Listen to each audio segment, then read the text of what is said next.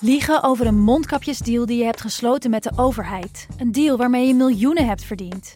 Dat doet toch alleen Siewert van Liende? Nou, nee. Ik ben Felicia Alberding en in de Mondkapjesmiljonairs duik ik met een team van correspondenten in andere schandalen. Want wist je dat Siewert helemaal niet uniek is? Luister de Mondkapjesmiljonairs in je Podimo-app. Of ga naar podimo.nl slash mondkapjes. En probeer Podimo 30 dagen. podimo.nl slash mondkapjes. In de podcast Radio Romano met Noortje Veldhuizen Met Marcel van Roosmalen. En met Roelof de Vries. brengen we alle drie elke week een zogenaamde signalering mee. Wat heb jij nou weer bij je? En aan het eind bepalen we wie de winnaar van de week is. Echt een angstcultuur Lege huls die je er bent? Ja, dat gaat eigenlijk altijd onvriendelijk. Luister nu naar Radio Romano bij Podimo. Via podimo.nl slash Radio Romano luister je 30 dagen gratis. Dames en heren, zij die nog koffie hebben gehaald of thee, kom nu langzamerhand hierheen en ga zitten, want we gaan beginnen.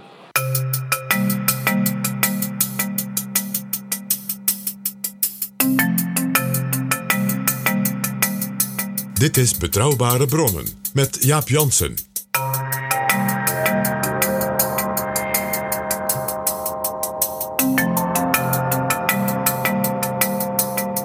Hallo, welkom in Betrouwbare Bronnen, aflevering 14. Straks praat ik met Partij van de Arbeid Europarlementariër Paul Tang. In 2014 was hij lijsttrekker en sindsdien aanvoerder van de drie PvdA'ers in het Europees Parlement. Ik verwelkom hem in Betrouwbare Bronnen omdat hij een boek heeft geschreven met als prangende vraag: kunnen we de Europese Unie nieuw elan geven? Paul Tang ziet het als zijn opdracht het aandeelhouderskapitalisme te beteugelen. Europa moet weer terug naar het Rijnlandse economiemodel en de Europese Unie moet daarin een hoofdrol spelen, vindt Tang. Overigens zal niet iedereen in de Partij van de Arbeid blij zijn met het begrip wat Tang heeft voor Italië, dat zich niet wil houden aan de in Europa afgesproken begrotingsregels. Ik denk dat wat de Europese Commissie niet moet doen is paniek zaaien, om te beginnen. Ik zou zelf zou ik heel graag willen dat ze de onderhandelingen ook openen. Laat nou zien welke mogelijkheden er zijn om te komen tot een, eh, zeg maar een sociale begroting. Want de Italiaanse regering wil bijvoorbeeld uitkeringen verhogen. Eh, en, en, om, eh, en toch een verantwoordelijke begroting te hebben. Maar eerst een heel opmerkelijk gesprek dat Pieter Gerrit Kroeger voerde met oud-minister-president Jan-Peter Balkenende en minister van Financiën Wopke Hoekstra. Dat gesprek vond afgelopen zaterdag plaats in de Prodent fabriek in Amersfoort op de dag van de christendemocratie. Het wetenschappelijk instituut van het CDA vierde zijn 40-jarig bestaan met, zoals dat hoort, diepgravende gesprekken. Het gesprek met Jan-Peter Balkenende en Wopke Hoekstra was een co-productie met Betrouwbare Bronnen en het vervangt dit keer de historische rubriek. Zoals je van ons gewend bent, is het gesprek een combinatie van actualiteit, geschiedenis en vooruitblikken. In het verhaal van Balkenende is interessant dat hij in de politiek begon als medewerker van het Wetenschappelijk Instituut. Bij het CDA ook wel het WI genoemd. Hij ontwikkelde daar een politieke filosofie die hij later als minister-president ging uitvoeren. En ook heeft hij scherpe opvattingen over het beleid dat de komende tijd gevoerd moet worden. En dat beleid moet vooral gezamenlijk in Europa gestalte krijgen. De laatste tien jaar is een tijd geweest van vooral crisismanagement. En we kunnen nu echt verder met Europa met drie kanten uit. De eerste is van laat alles uit elkaar vallen. Brexit, Frexit, Nexit, dat is geen mogelijkheid. Dat, dat is zelfbedrog. Het tweede is doorgaan, zoals we nu gaan, van incident naar incident. Dat vind ik niet aan- aanlokkelijk. Dan, dan, blijft er nog één, dan blijft er nog één over. Dat is gewoon een nieuwe visie op Europese integratie. Wopke Hoekstra is in dit gesprek interessant omdat we nog niet zo heel veel van hem gehoord hebben, los van zijn functie als minister van Financiën in het kabinet Rutte 3. Dit is een van de eerste keren dat Hoekstra zich breder en dieper uitspreekt over politiek en samenleving. En ook hij ziet een hoofdrol voor Europa. Het is mijn diepe overtuiging dat als je wil dat we met z'n allen in al die verschillende lidstaten kunnen blijven geloven in de Europese Unie, dan moet je kunnen uitleggen waarom wat we met elkaar doen redelijk is, solidair is, maar dat er ook sprake is van wederkerigheid. En dan moet het ook zo zijn dat op het moment dat er gelden ter beschikking gesteld worden, dat ook de rechtsstaat in landen wordt gerespecteerd. Dan moet het zo zijn dat in landen ook er de zekerheid is of er aan waarschijnlijkheid grenzende waarschijnlijk, waarschijnlijkheid dat dat geld ook van Nederlandse burgers niet in corrupte zakken verdwijnt. Dan moet het zo zijn dat het geld van burgers op een effectieve manier wordt uitgegeven.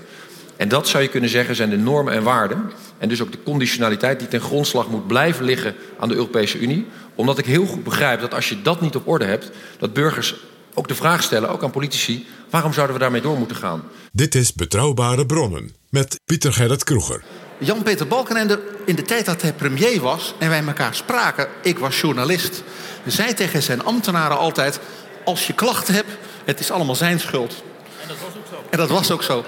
Want hij vertelde zijn ambtenaren dat ik hem ooit partijlid van het CDA had gemaakt. Dus als zij klachten hadden over zijn werk, moesten ze mij schoppen. En niet hem. En het mooie was, die ambtenaren, dat waren perfecte hovelingen. Hij heeft het ze wel dertig keer verteld en elke keer zeiden ze, is dat zo? En dan kon hij het hele verhaal weer doen. Zo zijn ambtenaren in Nederland gedienstig en aardig. Wopke, hoe oud was jij toen het WI werd opgericht 40 jaar geleden? Nou, toen was ik niet veel ouder dan twee. Volgens mij is het eh, WI af, opgericht in december 77. Dus toen was ik twee en een, en een eh, paar weken. Um, ja, dat was, ik kan net doen alsof dat dicht bij mijn politieke bewustwording was... maar die lag toch nog net wat later. Dat duurde iets langer nog. Dat duurde nog wat langer, ja. Toch niet langer. Nou, dan, dan beginnen we maar met 40 jaar geleden bij, bij Jan-Peter. Jan-Peter, jij kwam in 84 van de Academische Raad naar het WI. In dat boek staan echt prachtige foto's van Jan-Peter. Hij is dus niets veranderd, alleen gaat wat vaker naar de kapper. Zo blijkt uit dat boek. Zeer aanbevolen. Waarom ging jij daar eigenlijk heen? Uh, bij mij ging het eigenlijk zo. Ik was in 1978 lid geworden van het CDA. Toen rechtstreeks lid, dat kwam toen ook. Vanwege de potgespreide verantwoordelijkheid. Dat sprak me enorm aan. Ik voelde mijn CDA. Ik zat in de gemeenteraad van Amstelveen vanaf 1982. Ik had mijn eerste baan gekregen bij uh, de Academische Raad. Toen heeft Arie Oostlander mij benaderd van... is deze functie, medewerker, sociaal-economisch beleid, iets voor jou? Dus jij deed sociaal-economisch ja, beleid? sociaal-economisch en financieel beleid. En ik heb eigenlijk zonder aarzeling uh, ja gezegd. En hoe kwam dat? Ik voelde me voluit en voel me voluit een christendemocraat. Dat was één. En het tweede was, het was een partij in opbouw. Ik heb natuurlijk meegemaakt in mijn studententijd dat er werd gezegd... ach, de christendemocratie, dat is over en uit. We krijgen een politiek tweestroombeland. Sterven in elkaars armen. Zo is dat. Ja. En ik vond het mooie van de wording van, de wording van het CDA... dat was veel meer dan drie partijen die samengingen. Dat was nadenken over vernieuwing en verandering. Dat had te maken met de visieontwikkeling. Waar staan we voor als politieke beweging? En wat je dan merkt bij zo'n wetenschappelijk bureau... dat was feitelijk de architectuur van je partij opbouwen. Hoe ga je met uitgangspunten om? Maar je begon niet bij nul. Nee, kijk, we begonnen met het rapport Grondslag en Politiek Handelen. We hadden het rapport Gespreide Verantwoordelijkheid. Het programma van Uitgangspunten in 1980. En toen Lubbers werd premier, het was geen makkelijke tijd. Er moesten moeilijke maatregelen worden genomen. En de peilingen gingen misschien Ruud ook wat onderuit. Maar wat gewoon gebeurde, dat was het mooie. In de partij werd gezegd van... wat is onze boodschap? En dat leidt tot het rapport van verzorgingsstaat naar verzorgingsmaatschappij. En het WI droeg enorm bij aan die visieontwikkeling. En dus ik kwam in die fase bij het WI... dat er na werd gedacht van wat is de visie van het CDA... Hoe operationaliseer je de uitgangspunten? Wat betekent dat voor je maatschappijconcept? En hoe kun je daaraan bijdragen? Een geweldige tijd, een enorme uitdaging. Ik, ik noteer vast één ding voor uh, de mensen hier in de zaal, ik zal maar zeggen onze lieve luisteraars. Hoe operationaliseer je het? Want dat is dus niet alleen maar mooie filosofische Oh, nee. boeken, proefschriften over publieke gerechtigheid en wat al niet. Maar wat ga je dan doen? Ja. Wie waren daarbij jouw leermeesters? Het is zo dat eh, binnen het WI hadden we vroeger Wim Hogendijk gehad, de voorganger van Arie Oostlander. Arie Oostlander zelf, Kees Klop, Hans Borstlap. Dat waren een aantal van de mensen die enorm tot de verbeelding spraken. Piet Steenkamp eh, was iemand die ook een rol speelde. En wat je nu zag, dat was in die tijd hadden we te maken met mensen die nieuwe ideeën hadden. Herman Wijfels was voorzitter van bestuur in die tijd. Die heeft mij aangenomen. Dus je had een aantal mensen die bezig waren met eh, zich de vraag te stellen van... wat is de bijdrage van de christendemocratie? Uh, hoe kun je grensverleggend bezig zijn?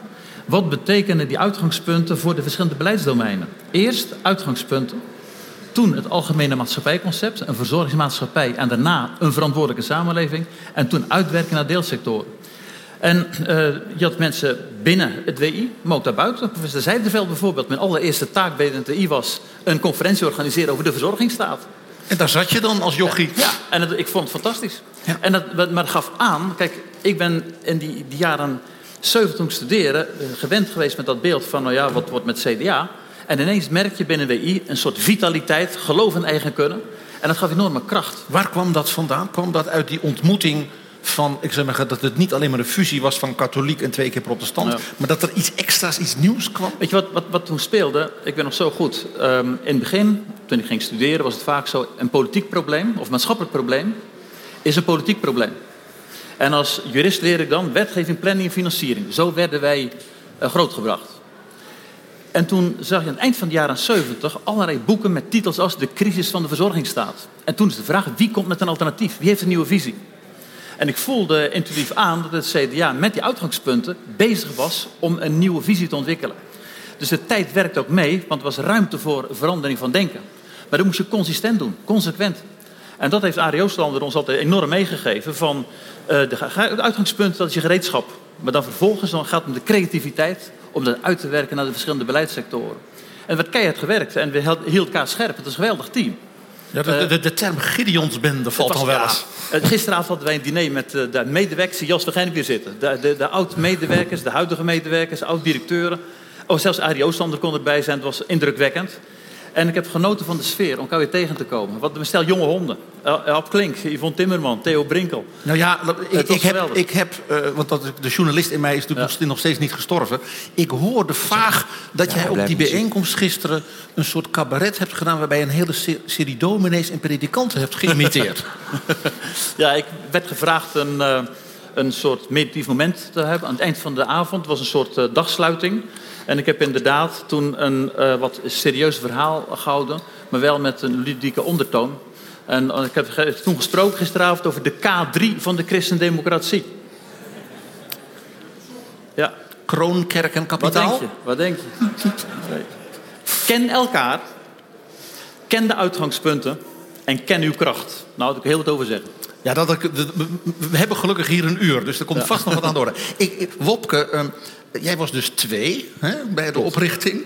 Dus je was vier toen hij daar maar begon. Toen al, toen al diep onder de indruk. Ja, ja, ja, ja, ja, jij zei toen al, als ik kan lezen... dan ga ik die, die, die stukken van Jan-Peter Balkenende lezen... die hem worden gedicteerd door Arie Oostlander. Ik zie het ook aan je gezicht dat je het meent. Ja. Wanneer begon dat politiek bewustzijn van jou dan wel? Nou, misschien nog wel één ding over wat Jan-Peter net zei... over dat operationaliseren. Want dat is volgens mij echt de spijker op zijn kop. Er zijn allerlei wetenschappelijke instituten in Nederland... en die hebben geweldige stukken geschreven. En die zijn voor het overgrote deel zijn die in boekenkasten beland. En nooit vertaald in beleid. En wat ik zo knap en bijzonder heb gevonden altijd aan de periode voor de kabinetten Balkende. Toen is er ontzettend goed nagedacht en is er heel veel geschreven. Maar dat is vervolgens ook gebruikt. Dat is omgezet in beleid. Als je bijvoorbeeld kijkt naar het zorgstelsel van vandaag. Ik weet niet of het helemaal één op één is, maar het scheelt niet zo gek veel wat er toen bedacht is doordacht is. En hoe dat vervolgens is vertaald in beleid. En dat heb ik altijd ontzettend knap gevonden. Ja, wat, uh, wat je zegt, Bobke, wat wij deden was, wij schreven de grote rapporten. Dan zag je daarna kleinere documenten die in de partij werden ja. bediscussieerd. Een partijbrede discussie. En daarna werden conclusies getrokken. En dat kon ook zijn weg vinden naar het verkiezingsprogramma. Ja, en dat is, het, het knappe daarvan is... Ik ben genoeg politici tegengekomen uh, in Den Haag... die altijd uh, als de dood zijn uh, voor het moment waarop hun WI weer een rapport uitbrengt. Ja. Want stel je voor dat er wat onhandigs in zit... en dan is vooral de kunst om dat ergens in een hele diepe laad te schuiven. Wat je natuurlijk moet proberen te doen is iets opschrijven waar die partij echt mee verder kan... en waarmee je dat inderdaad kan operationaliseren. Waarmee je dat vervolgens kan vertalen in beleid. Uh, en dat heeft het CDA op allerlei fases en allerlei momenten in de geschiedenis heel knap gedaan. Maar zeker in die periode voor de kabinetten Balkenende... en toen vervolgens de operationalisering in de kabinetten Balkenende. Maar volgens mij, PG, wilde je eigenlijk iets heel anders vragen. Nou, de vraag was... De vraag was, wanneer werd jij je dit bewust? Politiek. Wat ik eh, nog heel goed kan herinneren was eh, dat uh, Lubbers altijd zijn persconferentie gaf, gaf, op vrijdag. En dat was dan een gesprek. En dan zat ik samen met mijn vader zat ik naar, naar de televisie te kijken. Ja, het is eerlijk om te zeggen dat ik daar als acht of negenjarige minder dan de helft van begreep. Maar het is wel een moment wat me is bijgebleven, omdat wij samen ernaar zaten te kijken. Mijn vader had ook niet zo heel veel geduld voor televisie kijken. En ik denk eerlijk gezegd ook niet voor politici. Maar als het was afgelopen zei hij bijna altijd iets positief kwalificerends over Lubbers. En dat beeld, dat staat me nog heel sterk bij. En, en wanneer werd je christendemocraat? Nou, wat mij altijd heeft aangesproken in het CDA is de dubbele verantwoordelijkheid. Dus de gedachte dat je op de eerste plaats verantwoordelijkheid neemt voor jezelf, voor je eigen leven. Uh, maar dat iedereen die dat kan, dat die toch ook wordt uitgedaagd, wordt uitgenodigd om verantwoordelijkheid te nemen over het grotere, het bredere. Het begint natuurlijk met je eigen familie, maar dat kan je ook in de kerk, in een sportvereniging en breder voor de samenleving. Dus dat, is, dat, dat zat zeker ook in mijn, uh, in mijn opvoeding. En ik heb in de periode um, dat um, uh, Fortuyn werd vermoord, dus de periode waarin ik in het, uh, in het buitenland woonde, dat is een periode waarin heel vaak aan mij is gevraagd: wat is er toch eigenlijk aan de hand in Nederland? Hoe kan het nou dat een land dat zoveel heeft, waar je ongelooflijk gelukkig mee mag zijn, waar je ongelooflijk trots op mag zijn, dankbaar voor mag zijn, dat het toch zo met zichzelf in de war is? En toen heb ik gedacht, als ik terugkom, dan. Uh, ik wist niet eens zeker of ik uh, en op wat voor termijn ik terug zou komen naar Nederland. Maar toen heb ik wel gedacht, uh, dan ga ik ook, al is het maar iets heel kleins, ga ik iets doen in de politiek. Dus, dus het werd Wopke de Holland-Deuter in Berlijn. Nou, nu overdrijf je het een klein beetje, PG, maar... Klein beetje. Um, het was wel een, het was zeker een, een, een, moment wat ik me nog goed kan herinneren. We, we zijn nu met Wopke even in Berlijn. Uh, een van de opvallende dingen bij die operationalisering toen jij premier werd, was dat je meteen met een innovatieplatform begon.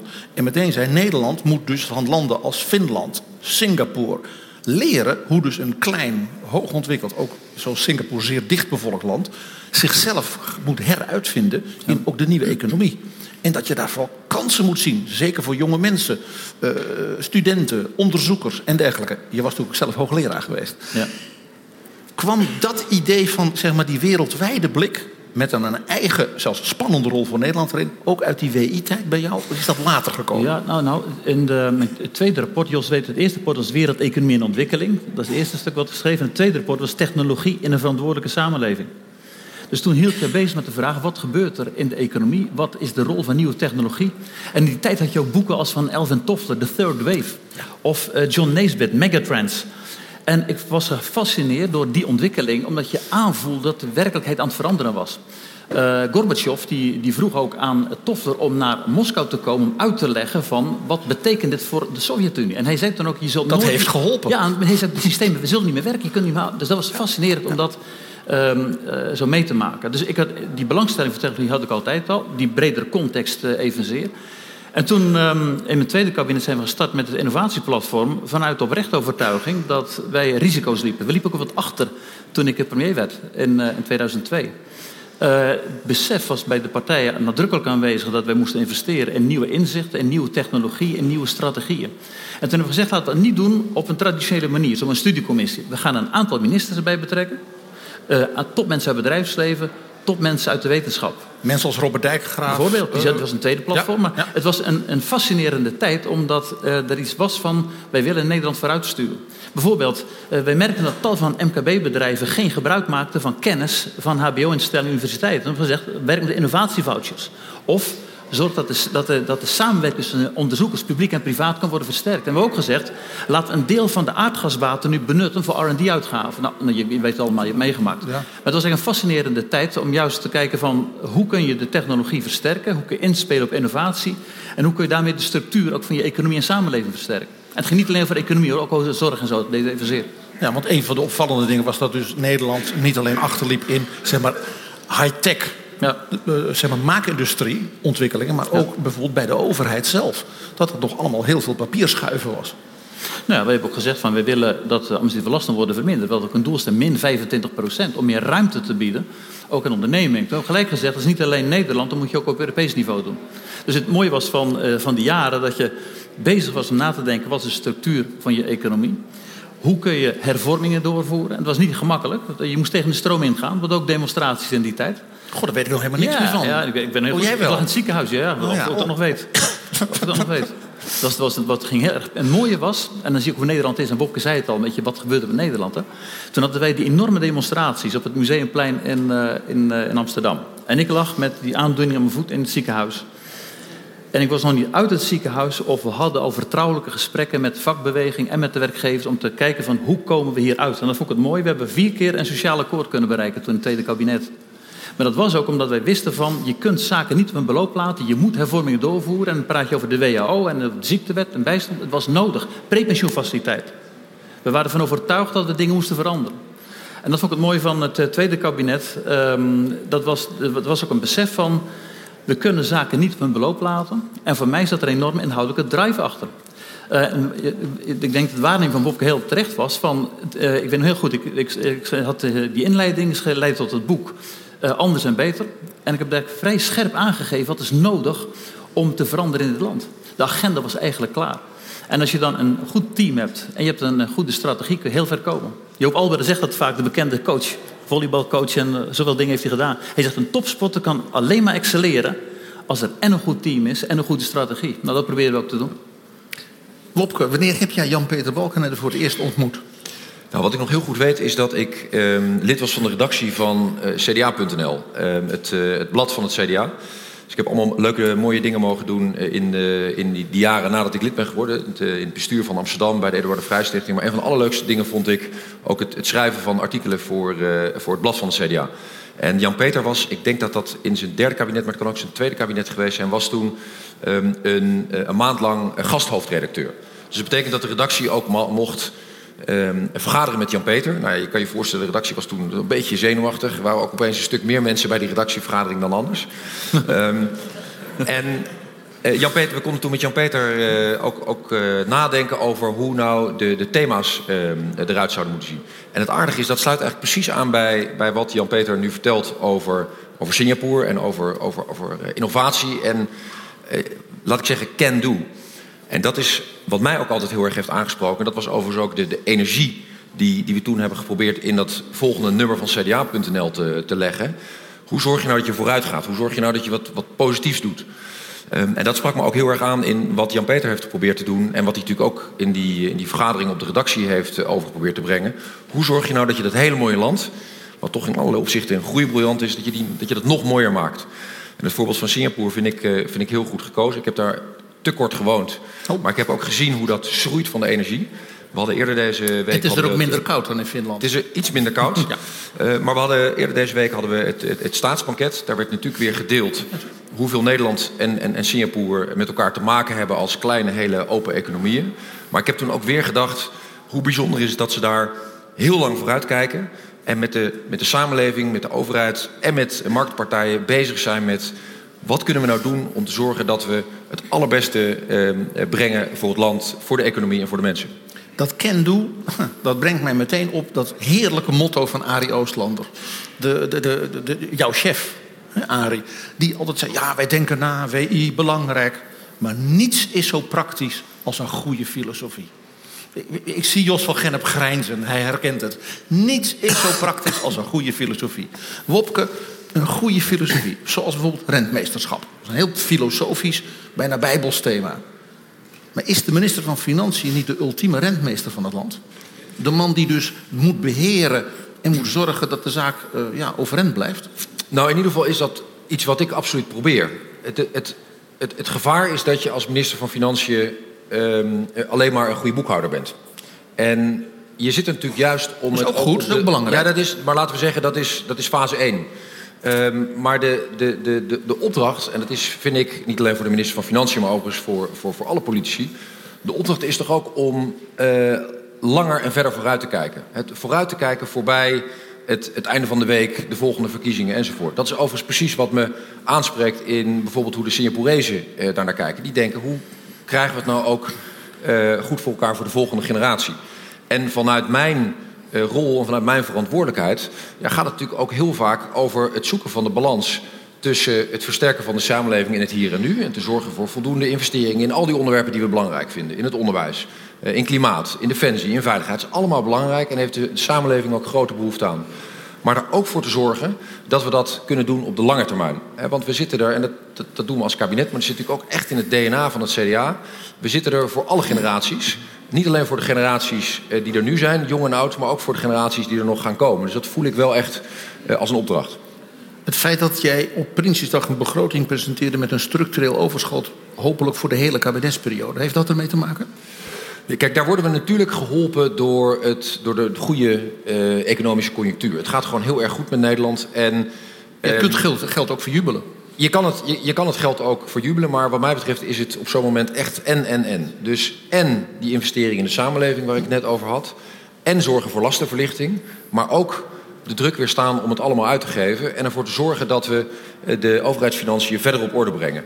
Juist omdat we weten dat die open ehm, eh, vitale, maar ook hele volatiele Nederlandse economie, dat die ook snel weer onder druk kan komen te staan als het minder goed gaat.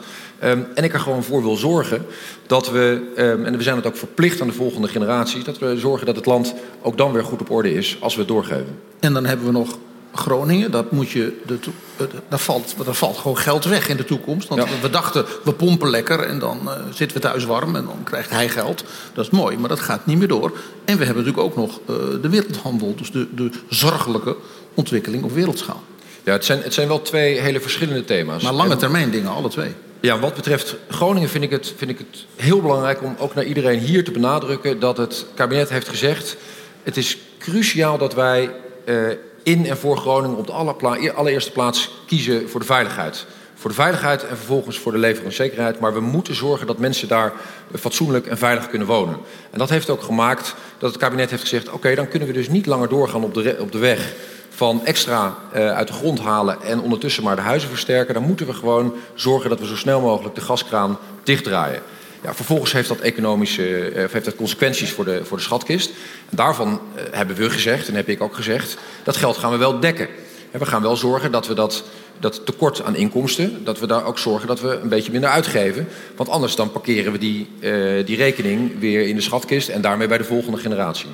De wereldeconomie heb je ook gelijk in. Kijk, dat is een van de risico's um, waar we tegenaan zitten te kijken voor de toekomst. Want let wel, zelfs als er een handelsoorlog uh, zal ontstaan, alleen maar tussen China en de Verenigde Staten, en dus zonder uh, de Europese Unie, dan zal dat miljarden en miljarden kosten, ook in Europa en in Nederland. Zo verweven is de, uh, is de economie mondiaal nou eenmaal.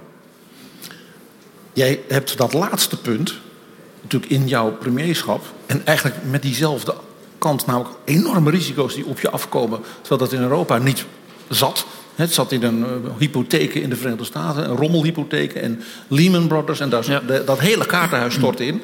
En toen ben jij onder andere actief geworden in de G20. Ja. Waarbij dus dat soort thema's ineens niet meer alleen maar regionaal of in Europa of bilateraal werden gedaan, maar ineens naar een mondiaal niveau. Hoe, hoe ging dat? Ja, wat, wat Wopke nu net schetst, um, het kan op een gegeven moment heel goed gaan. We kunnen heel goed in augustus, we waren bezig met de begroting 2009. Toen was het beeld, de rest van de kabinetsperiode zullen wij begrotingsoverschot precies, hebben. Precies dezelfde. Ja. En het tweede was, we zullen de laagste staatsschuld als percentage van nationaal inkomen bereiken uh, in, in deze periode. Dus dat was het beeld. Binnen één maand was de hele zaak gekanteld toen Lehman omviel. Uh, toen wij Fortis moesten overnemen. Toen het financieel stelsel enorm onder druk kwam te staan. Het was een enorm moeilijke tijd met enorme risico's. En zie je wel het volgende gebeuren, want alles was nieuw. Alles was nieuw. En toen um, wilden we graag meedoen aan de, aan de G20. Um, dat is ook een mooi verhaal over het gelopen, dus jij kent het verhaal wel. Uh, was, uh, we kregen te horen van, ik had steun van Merkel en van Sarkozy en van Gordon Brown en van Barroso. En maar de Amerikanen hadden toen het voorzitterschap. En toen kregen wij te horen van, ja, het zal wel nee worden, want er zijn te veel uit Europa. Toen had ik een goed adviseur, die zegt tegen de, zijn collega in het Witte Huis van... dat moet dan president Bush met tegen Balkenende zelf zeggen, want dat kun je niet met een brief doen. Dus hij belt mij op. Hey Jan-Pieter! Nou, toen Jan Pieter! Uh, en ik zeg gelijk, hey George. En ik zeg, ik zeg, weet waarover je belt. Ik zeg, het gaat natuurlijk over deel van de G20. Ik zeg, en ik vond we heel goede argumenten hadden wat de, de, de, vijfde contribuant van de Verenigde Naties, de achtste of negende financiële sector, de zestiende economie in de wereld. En jij de exporteur van de wereld. Ja, daarom. En, en toen zei ik van, en toen hij zei, je hebt goede argumenten, maar je moet ook mijn positie begrijpen. Um, er zijn er te veel en ik hoop dat je er begrip voor hebt. Ik zeg, ik, ja, ik zeg, begrijp je positie wel. Ik zeg, ik heb steun van iedereen. We hebben samengewerkt en nu ben jij de enige die tegen mij gaat zeggen, je mag er niet bij zijn. Je bezorgt mij een groot politiek probleem en een mediaprobleem dat me niet verdient. En toen zei I'll reconsider. Nou, zo is het gelopen. En toen gingen we daar meedoen. En het was, ja, het was, het een jaren stukje. Was ook, maar het ging me niet zozeer om, om mijn aanwezigheid. Ging, Nederland deed mee met de voorbereiding van die dat bijeenkomsten. Is... En het ging daar over de financiële architectuuropbouw. Dit was compleet nieuw. Het was keihard werken. Maar we hadden ook de overtuiging van dit mag niet gebeuren en er moeten dingen gebeuren. En als je nu mij vraagt wat was het mooiste moment in je internationale tijd als premier, dan was dat toch, ik, ik heb het jou eens verteld, dat was maart 2009, maart in Londen de G20-bijeenkomst. Daar was de, een atmosfeer van gemeenschappelijk de schouders eronder zetten. Samenwerken aan een nieuwe financiële architectuur. En er werd ook gezegd, we moeten binnen een jaar de WTO-onderhandeling over vrijhandel moeten afronden. En we moeten succes maken van de klimaatop in Kopenhagen.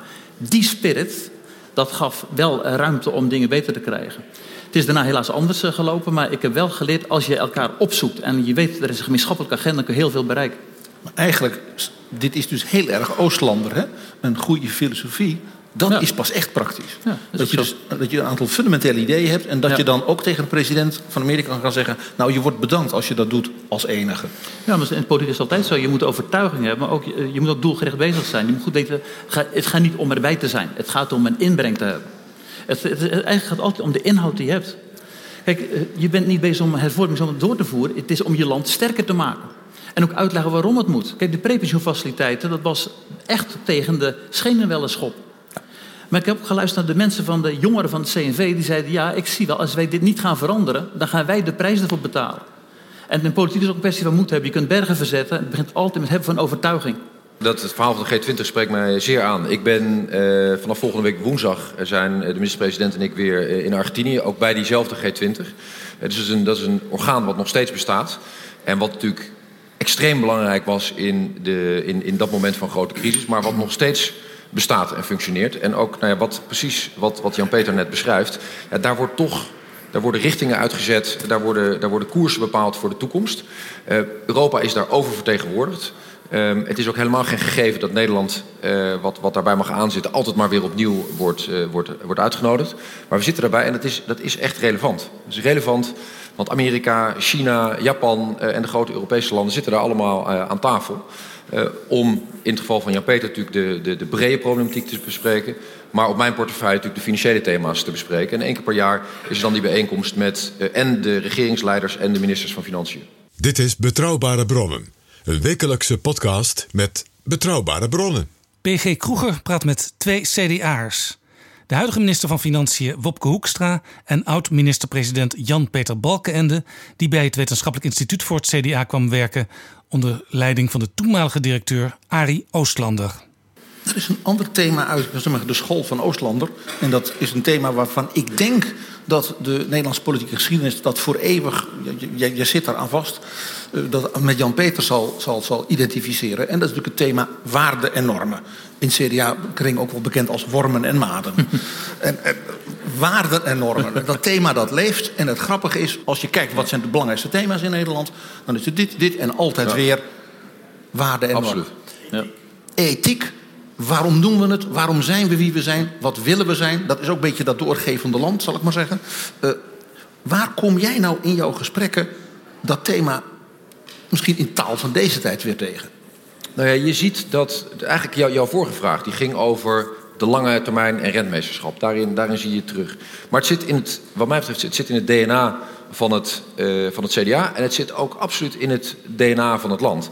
En als je nou de, de, kijkt naar de afgelopen decennia en als je kijkt naar de geschiedenis, dan is, natuurlijk, is Nederland ontzettend veranderd. Dan zie je dat we um, heel veel hebben bereikt op het gebied van vrijheid. Je zou kunnen zeggen dat we die vrijheid en de vrijheden die hebben we bevochten ook in eerste instantie op de staat, maar die, die hebben we ook gewoon bevochten op, uh, op, op andere groepen. We hebben ook gezorgd voor een hele grote mate van gelijkwaardigheid in Nederland. En aan allebei die elementen willen wij als eh, christendemocraten en willen we natuurlijk ook helemaal niks afdoen. We staan voor die gelijkwaardigheid, we staan ook voor die uh, individuele vrijheden. Maar ik vind wel dat we op een heel erg geïndividualiseerd punt uh, in de geschiedenis zijn aanbeland. En de kunst gaat zijn voor Nederland om met behoud van die individuele vrijheden, met, met behoud van die gelijkwaardigheid, ook te blijven zorgen voor cohesie in de samenleving. Daar maken mensen zich zorgen over. Want die realiseren zich dat ze nou ja, wel een heleboel dingen ontzettend goed voor elkaar hebben, maar dat ze toch ook op zoek zijn naar, naar die cohesie, naar die, naar die glue in de samenleving. En, hoe, en omdat, omdat ze zich realiseren dat dat belangrijk is. Ik was heel verrast bij het voorbereiden van deze bijeenkomst. Uh, ik zag ineens, jij hield een lezing heel onlangs, de Ronnie Naftalian-lezing. Klopt. En die ging hierover. Ja. En toen dacht ik, hmm, dat is toch interessant. Bij alle waardering voor een Gerard Salm of een uh, Jeroen Dijsselbloem... die zouden ze daar nou niet meteen voor gevraagd hebben. Wat, wat was voor jou de reden om te zeggen... ja, ik ga in op die uitnodiging? Nou, dat eerste daar moet ik misschien toch wat over zeggen. Want los van dat dat twee uitstekende collega's zijn geweest... Uiteraard. Heeft, heeft, nee, maar dat is, dat is, dat is meer dan, dan politieke beleefdheid. Juist Gerrit Salm heeft uh, ontzettend veel gedaan om... Uh, ook de, uh, de, de situatie met de Joodse tegoeden op een hele verstandige manier op te lossen. Dus dat, is, dat, dat moet ik er echt wel bij zeggen. Daar, daar, dat werd ook tijdens die bijeenkomst weer erkend en, en herkend. En wat mij betreft volslagen terecht. Um, kijk, waar, die, waar, die, waar die lezing over ging en wat ik daar natuurlijk tot uitdrukking heb geprobeerd te brengen, is precies dit. Is precies het enorme belang van uh, het ook opkomen voor de samenleving. Het opkomen voor de rechtsstaat als die onder druk staat. Het opkomen voor groepen uh, die, het, uh, die het lastig hebben in de samenleving. Ja, en vanzelfsprekend ging bij, bij deze lezing ging het dan ook over de geschiedenis van het Joodse volk in Nederland. Maar het is natuurlijk een thema wat voor ons allemaal veel breder van belang is. Ik, ik zie jou kijken dat je denkt van... hé, hey, ik, ik had dit verhaal ook kunnen houden. Ja, nou, ik, ik, ik, geniet ervan dat de minister van Financiën, die vaak een vakman uh, ja. is, tegelijkertijd die bredere dimensie erbij pakt. Daar hou ik van. En dat heeft te maken met inclusief denken. En je hebt natuurlijk terecht gezegd van het, het thema waardenormen, dat, dat wordt een beetje mij toegeschreven, maar het zit denk ik veel en veel dieper. Um, het begint vaak, wat voor opvoeding heb je gehad? Wat heb je van je ouders geleerd? Wat krijg je mee? Je geloof. Um, of je ouders die actief zijn al in organisaties. Ik heb altijd geleerd van je hebt je in te zetten voor de ander. Toen ik student uh, werd, um, was, daar was ik wat lid van de commissie Doelstelling van de Vrije Universiteit. Ik, de identiteit van de VU hield mij bezig. Of lid van de Werk op Toekomstvereniging. Dus ook een dingen die heeft meegespeeld toen ik uh, bij het WI ging werken. Van hé, hey, je hebt belangrijk voor identiteit. Dus ware normen hebben te maken met ethiek, met achtergrond. Waar wil je voor staan? En ik was al jong politiek geïnteresseerd. En ik heb genoten van die debatten tussen de Uil en Wiegel. Ik vond dat schitterend. Het amusementswaarde was hoog. Maar ik kon me niet vinden in die polarisatie. Ik kon me niet vinden in de overdreven aandacht van de staat. Of de economische maatregelen die niet, naar mijn gevoel niet verstandig waren. En evenmin met het liberale gedachtegoed. En daarom vond ik het mooi dat zo'n thema gespreide verantwoordelijkheid naar voren kwam. Daarom vond ik van belang de uitgangspunten er kwamen. En ik heb ook gemerkt, en die, ik noemde het technologie in een verantwoordelijke samenleving. We hadden het daar over values.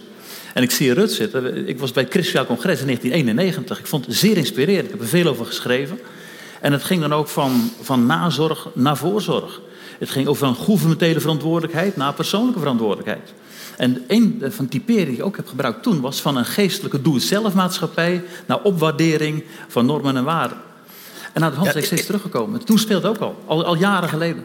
Het zit diep. Ja, in, in, in mijn eigen historisch onderzoek naar, naar de geschiedenis van het CDA... ben ik dat Christelijk Sociaal Congres tegengekomen. Dat daar eigenlijk voor het eerst, ook door, was het niet een memorandum of een notitie van jou... dat die term waarden en normen als, als, als begrip samenkwam. Ja, ja, participatiesamenleving zat er ook nog in. En de participatiesamenleving, ja, dat, dat, dat, ja. ja dat, kwam, dan, maar, dat kwam dan later in de troonrede. Ik, ik, ik noemde even dat, dat congres, want ik vond dat een, een prachtig congres... wat zo inspirerend was. Uh, het hield je bezig. Maar het heeft te maken met de kwaliteit van samenleven... en dan ook de vraag, wat betekenen authentieke beginselen?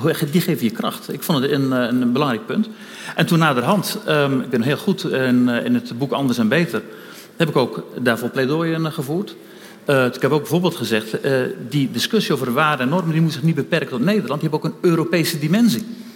En toen wij het voorzitterschap hadden van de Europese Unie in 2004, hebben we conferenties belegd over Europe, a beautiful idea in tal van landen. Om aandacht te vragen voor de vraag, wat bindt ons als Europeanen? Fantastisch was dat. Ik heb genoten, ze is ook planmatig. Ik zie ook kijken, Jos, planmatig was je uitgangspunten. Hoe vertaal je het naar het debat ook over Europa? Uh, het, andere punt was um, waren normen in relatie tot uh, onderwijs. Of sport. Ik heb genoten van de sportverenigingen in Nederland... die heel veel in deze thematiek uh, toen, toen hebben gedaan. De, de meer dan voetballer worden bijvoorbeeld. Of in de school, de dag van het respect. Dus waar de norm was niet een, een soort abstract... wees maar goed voor elkaar. Nee, dat de vraag wat betekent voor het onderwijs... en voor de sport en voor de media. Wat betekent voor de wetenschappelijke raad van regeringsbeleid. Het rapport over waarden, normen en de last van gedrag in 2003. Het werd dus meer dan zeg maar, het pannetje soep voor nou, de bejaarde buurvrouw. Nou, dat, dat, is, dat, is, vaak het probleem. Als je iets naar voren brengt... je krijgt heel snel type... ah, god, balken terug in de jaren 50. Ja, ja. Zoiets. Ja. Dat, is, dat is makkelijk zo'n weg te, te maken. Nostalgisch. Ja. Nou, het gekke was, je had van die discussie soms in Den Haag en dan ach, krijg je die kritiek. Dat moet je tegen kunnen. Maar zodra je buiten die vierkante kilometer was, dan begrepen mensen heel goed wat jij bedoelde. Spreekt heel goed wat je bedoelt, want dat had te maken met hoe gaat de een eh, om met de ander. Kun je je verplaatsen in de ander? In wat voor maatschappij wil je eigenlijk eh, leven en wonen? En ik heb eigenlijk, uh, buiten die cirkel in Den Haag vaak heel veel juist waardering gekregen, maar ook vooral ook samenwerking. En dat vond ik mooi om dat te zien, dat iedereen toch met de vraag bezig is: en wat voor land wil je eigenlijk wonen? Niets is zo praktisch als een goede filosofie. Je, je, de, man, de, man, wordt helemaal geanimeerd gewoon. Het is, het, het is, het is, Wopke en ik, wij zitten zo lekker achterover... en we zitten gewoon te genieten van hoe die man helemaal... Uh, niets is zo praktisch nou, als een goede filosofie. Ja, ook zo, kijk, de, je zegt even hij gaat gewoon door, hij gaat gewoon door. Kijk, dit is ook met passievrienden in de politiek.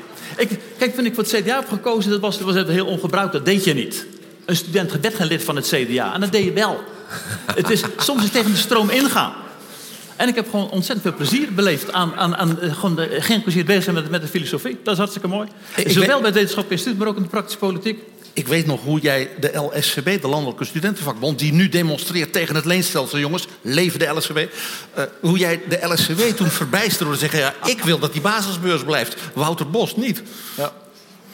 Zo is het maar net. Zo is het maar net. Zo is het maar net. En dat is maar één voorbeeld, vrienden. Dat is maar één voorbeeld, vrienden. Uh, nu gaan we naar de komende 40 jaar kijken. Want leven begint natuurlijk bij 40. En, en wat zijn nou de grote thema's dat je zegt van... het soort dingen waar je nu zo gepassioneerd over praat... dat je zegt van, ik hoop dat ik over 40 jaar, dan ben je, wat is het, uh, 37? Over, over hoeveel? Over 40 jaar? dan, ben, dan ben ik 102. 102, oh. Nou, uh, de lezing die je dan zult houden... Uh, wat, is, wat, wat zijn de onderwerpen dat je zegt... dat zullen dan ja, de, diezelfde passie bij mij oproepen. Misschien zelfs wel voor een deel dezelfde. Ja. Maar wat zijn de dingen die je bijvoorbeeld nu, op nou, je reizen wereldwijd, je gesprekken als het ware na het innovatieplatform, dat je zegt van dit komt op ons af, dit zijn de dingen waar we het over moeten gaan hebben. Uh, Wopke noemde even het internationaal perspectief van de G20, dan komen deze dingen aan de orde. Maar wat mij op het ogenblik vooral bezighoudt op wereldschaal, dat is hoe is het leven van mensen voor iedereen op deze planeet op de lange termijn. En we hebben een geweldig set aan doelstellingen. Dat is neergelegd in de Sustainable Development Goals van de Verenigde Naties. En ik vind die SDG's ongelooflijk inspirerend. Dat heeft te maken met de strijd tegen honger en armoede. Het heeft te maken met verantwoorde productie en consumptie, onderwijs voor iedereen. Het heeft te maken met partnerschappen. Ik vind het een ongelooflijk interessant set aan doelstellingen. En daarvoor hadden die millennium ontwikkelingsdoelen.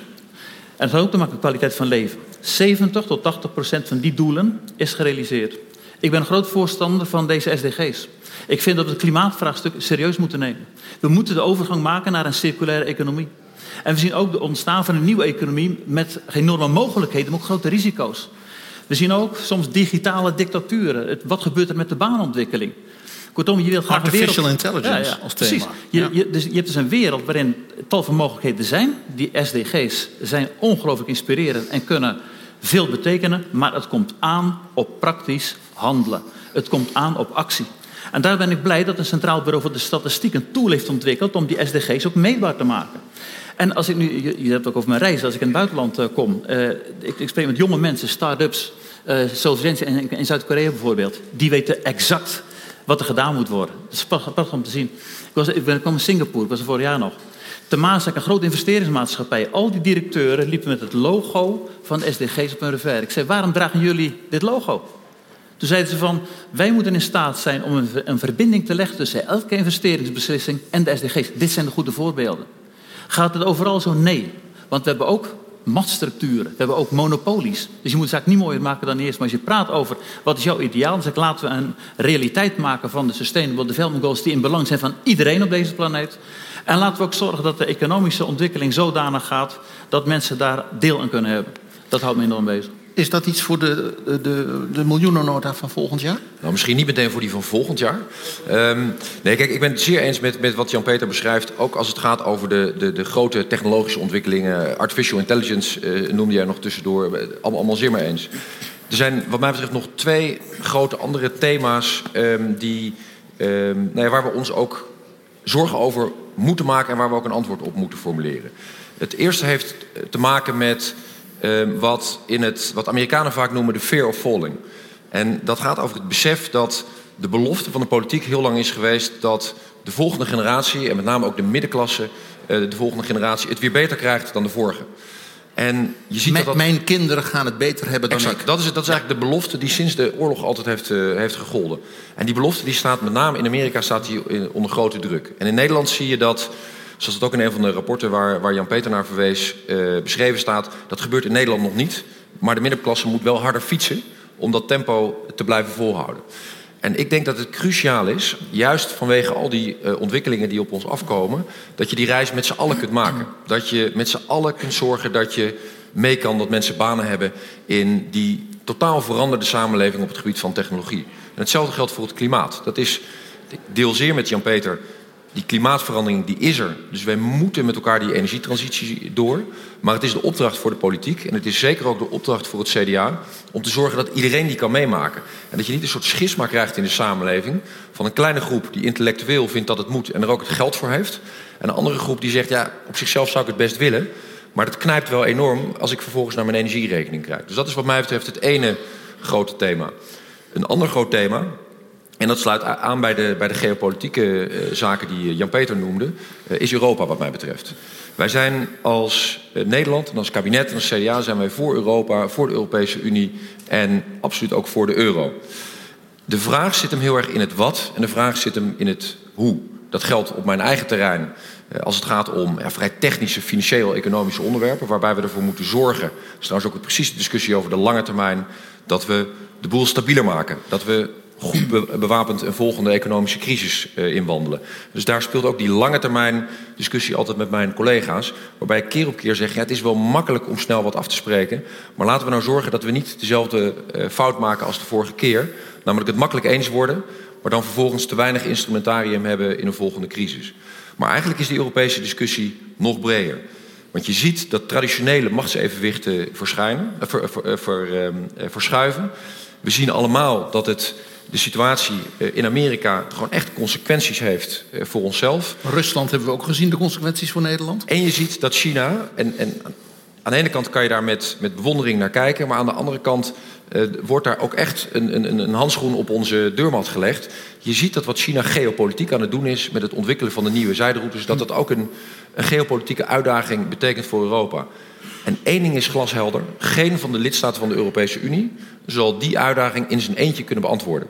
Dus dat vraagt toch een gezamenlijk antwoord en het gezamenlijk nadenken over dingen die ver voorbij alleen maar het, het, strikt economische en, en monetaire gaan. Mag ik daar een dikke streep onder zetten, Wok, wat jij zegt over, over Europa? Um, kort geleden hebben we afscheid genomen van Piet Hein Donner. Er was een afscheidssymposium. Ik ben gevraagd om maar iets te vertellen over Europa. Dat zit denk ik helemaal in lijn wat jij nu ook zegt. En ik heb ook een, een hoofdstuk erover geschreven. Mijn beeld van Europa is het volgende. De eerste integratiegolf kwam in de jaren 50. Dit nooit meer. En dat werkt geweldig goed. Opbouw van economieën, uh, landbouwbeleid, uitbreiding van de Unie hebben we gezien. De tweede golf zag je in de jaren 80. Toen het idee was van we hebben wel een douane-Unie, maar er is te veel protectionisme. Toen een vrij verkeer, dat was toen het doel. En daarna het perspectief van de uitbreiding van de Unie en eenmuntigheid. Dat was het tweede. Dat heeft lange tijd gefunctioneerd. De laatste tien jaar is het een tijd geweest van vooral crisismanagement. Ja. En we kunnen nu echt met Europa met drie kanten uit. De eerste is van laat alles uit elkaar vallen. Brexit, Frexit, Nexit, dat is geen mogelijkheid. Dat, dat is zelfbedrog. Het tweede is doorgaan, zoals we nu gaan, van incident naar incident. Dat vind ik niet aanlokkelijk. Dan, dan, blijft er nog één, dan blijft er nog één over. Dat is gewoon een nieuwe visie op Europese integratie. En ik denk dat er vier elementen dan cruciaal zijn. Het eerste, laat resultaten aan burgers zien. Twee, zorg dat hervormingen worden doorgevoerd. Drie, zorg dat er een inhoudelijke agenda voor Europa is. En ik denk dat die combinatie met SDG's, Sustainable Development Goals, met klimaat, energie, de nieuwe economie, dat zou een geweldige agenda voor Europa kunnen zijn. En het vierde punt, denk weer na over values in Europa. Wat bindt ons eigenlijk? Als we dat vergeten, dan hebben we ook een gemiste kans. Ik wil dip, ja. dik onderstrepen wat jij zegt. Nee, en ik merk dat Jan-Peter en ik allebei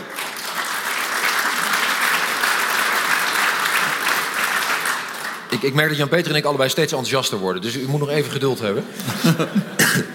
maar ik wil toch ook nog weer uh, dat laatste uh, beamen. En, en, en twee dingen aangeven die daarom ook voor het CDA en voor het kabinet zo belangrijk zijn.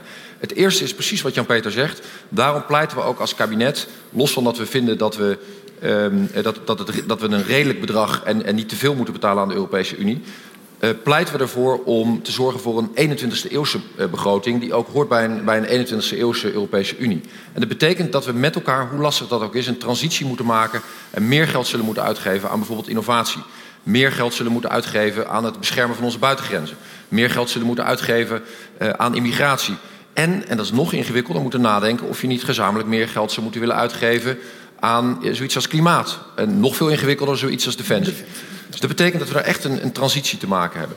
En het tweede ding, en dat is ook wat mij betreft eh, christendemocratie puur sang. We moeten met elkaar ook nadenken over conditionaliteit. Want dat is een moeilijk woord. Dat is een moeilijk woord, maar het is ook een belangrijk woord. Het is mijn diepe overtuiging dat als je wil dat we met z'n allen in al die verschillende lidstaten kunnen blijven geloven in de Europese Unie, dan moet je kunnen uitleggen waarom wat we met elkaar doen redelijk is, solidair is, maar dat er ook sprake is van wederkerigheid. En dan moet het ook zo zijn dat op het moment dat er gelden ter beschikking gesteld worden, dat ook de rechtsstaat in landen wordt gerespecteerd. Dan moet het zo zijn dat in landen ook er de zekerheid is, of er aan waarschijnlijkheid grenzende waarschijnlijk, waarschijnlijkheid, dat dat geld ook van Nederlandse burgers niet in corrupte zakken verdwijnt. Dan moet het zo zijn dat het geld van burgers op een effectieve manier wordt uitgegeven. En dat zou je kunnen zeggen zijn de normen en waarden. En dus ook de conditionaliteit die ten grondslag moet blijven liggen aan de Europese Unie. Omdat ik heel goed begrijp dat als je dat niet op orde hebt, dat burgers ook de vraag stellen, ook aan politici, waarom zouden we daarmee door moeten gaan? Dus dat is ook waarom ik zo hamer op juist dat gedeelte van de Europese Unie. Nou, ik zou zeggen voor de komende 40 jaar. Voor, voor de komende 40 jaar heeft het Wetenschappelijk Instituut agendapunten en onderwerpen genoeg. En nou gaan we Pieter Jan Dijkman met zijn denkclub en het WI nog een klein beetje helpen met z'n drieën. Want we hebben alle drie een boek bedacht dat ze moeten lezen voordat ze gaan schrijven. En helaas, het boek dat ik heb bedacht is 1200 pagina's dik. Zo kennen we je weer, Zo dus, uh... Dat is van professor Jürgen Osterhammel. Schrijf op. Die verwandeling der Welt. De transformatie van de wereld. En het boek dat gaat over de 19e eeuw. Hij laat zien dat de 19e eeuw, dus de tijd dat de christendemocratie in Nederland ook werd opgericht, de tijd was van dat die hele wereld drie keer over zijn kop ging. Veel meer dan de 20e. En waarom dit zo leuk is voor christendemocraten, toen mevrouw Merkel onlangs jarig was, was er een groot feest voor haar. En mevrouw Merkel is een wetenschapper, dat weet je. Toen heeft zij professor Osterhammel gevraagd een lezing te houden over dit boek, want dat had ze op haar vakantie gelezen. Er zat duizend man in de zaal van het Konrad Adenauerhaus in Berlijn. De helft viel halverwege in slaap. Uh, professor Osterhammel hield een briljant betoog. Dat natuurlijk in Die Zeit en de Frankfurter Allgemein natuurlijk in extensus afgedrukt. En mevrouw Merkel had een heerlijke middag gehad. Het mooiste verhaal in dit boek, en dan stop ik erover, is dat hij vertelt dat de 19e eeuw pas in 2006 is gestopt.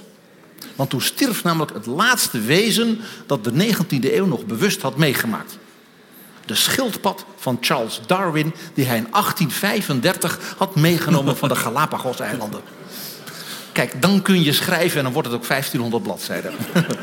Wopke, wat was jouw boek voor het CDA voor de komende 40 jaar?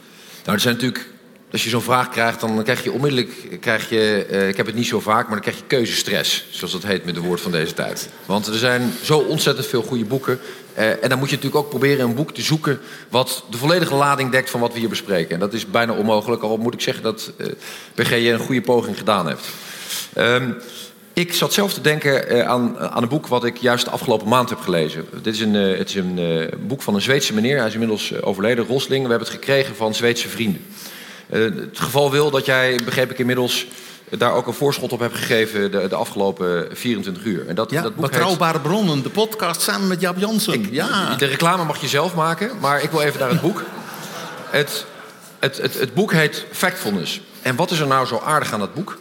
Dat boek dat beschrijft dat we wel eens wat te somber zijn over waar we op dit moment staan met de wereld. Want het boek laat zien dat als je aan deze zaal vraagt hoeveel meisjes denken jullie dat er op dit moment in de wereld naar school gaan als je het vergelijkt met de jongens? Of hoeveel armoede denk je dat er voorkomt in de wereld eh, vergeleken met 30, 40 jaar geleden? Of hoe denk je dat het gesteld is met het, het uitsterven van allerlei dieren? Dan blijkt dat we keer op keer op keer de wereld veel negatiever inschatten dan hoe die nu is. De cijfers bijvoorbeeld als het gaat over meisjes die in ontwikkelingslanden naar school gaan, die zijn fenomenaal goed. Zeker als je het vergelijkt met die tijd dat het WI werd opgericht en ik twee jaar oud was. Die zijn fenomenaal als het gaat om hoeveel mensen ontsnapt zijn uh, aan de armoede sinds ik twee jaar oud was uh, en, en je dat vergelijkt met nu. Dat zijn fenomenale getallen. Het zijn fenomenale bewegingen die we als mensheid hebben weten te maken. Uh, en sluit ook weer heel erg aan bij wat Jan-Peter zei.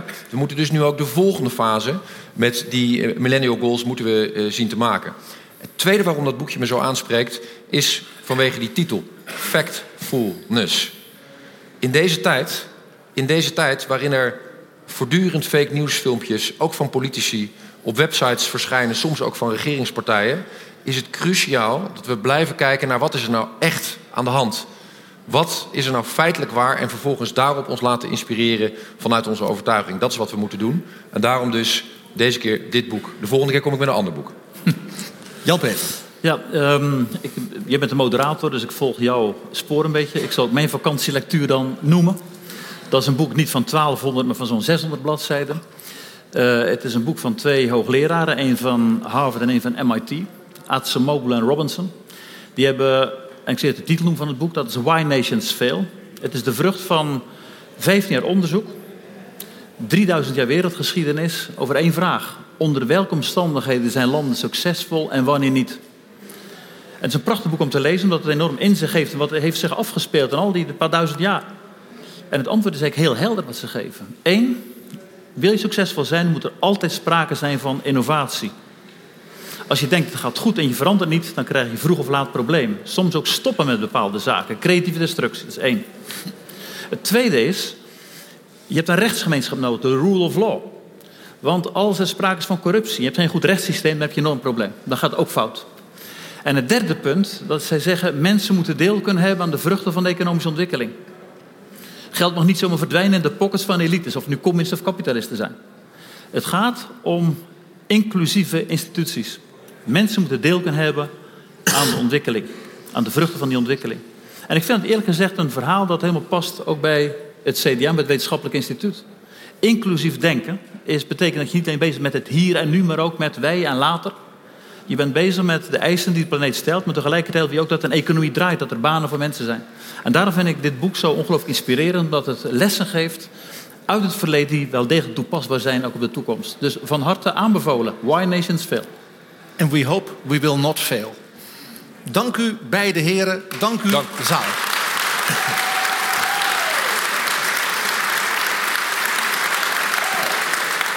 Ter gelegenheid van het 40-jarig bestaan van het Wetenschappelijk Instituut voor het CDA op de Dag van de Christendemocratie was PG in gesprek met oud-minister-president Jan-Peter Balkenende en minister van Financiën Wopke Hoekstra. Dit was Pieter Gerrit Kroeger.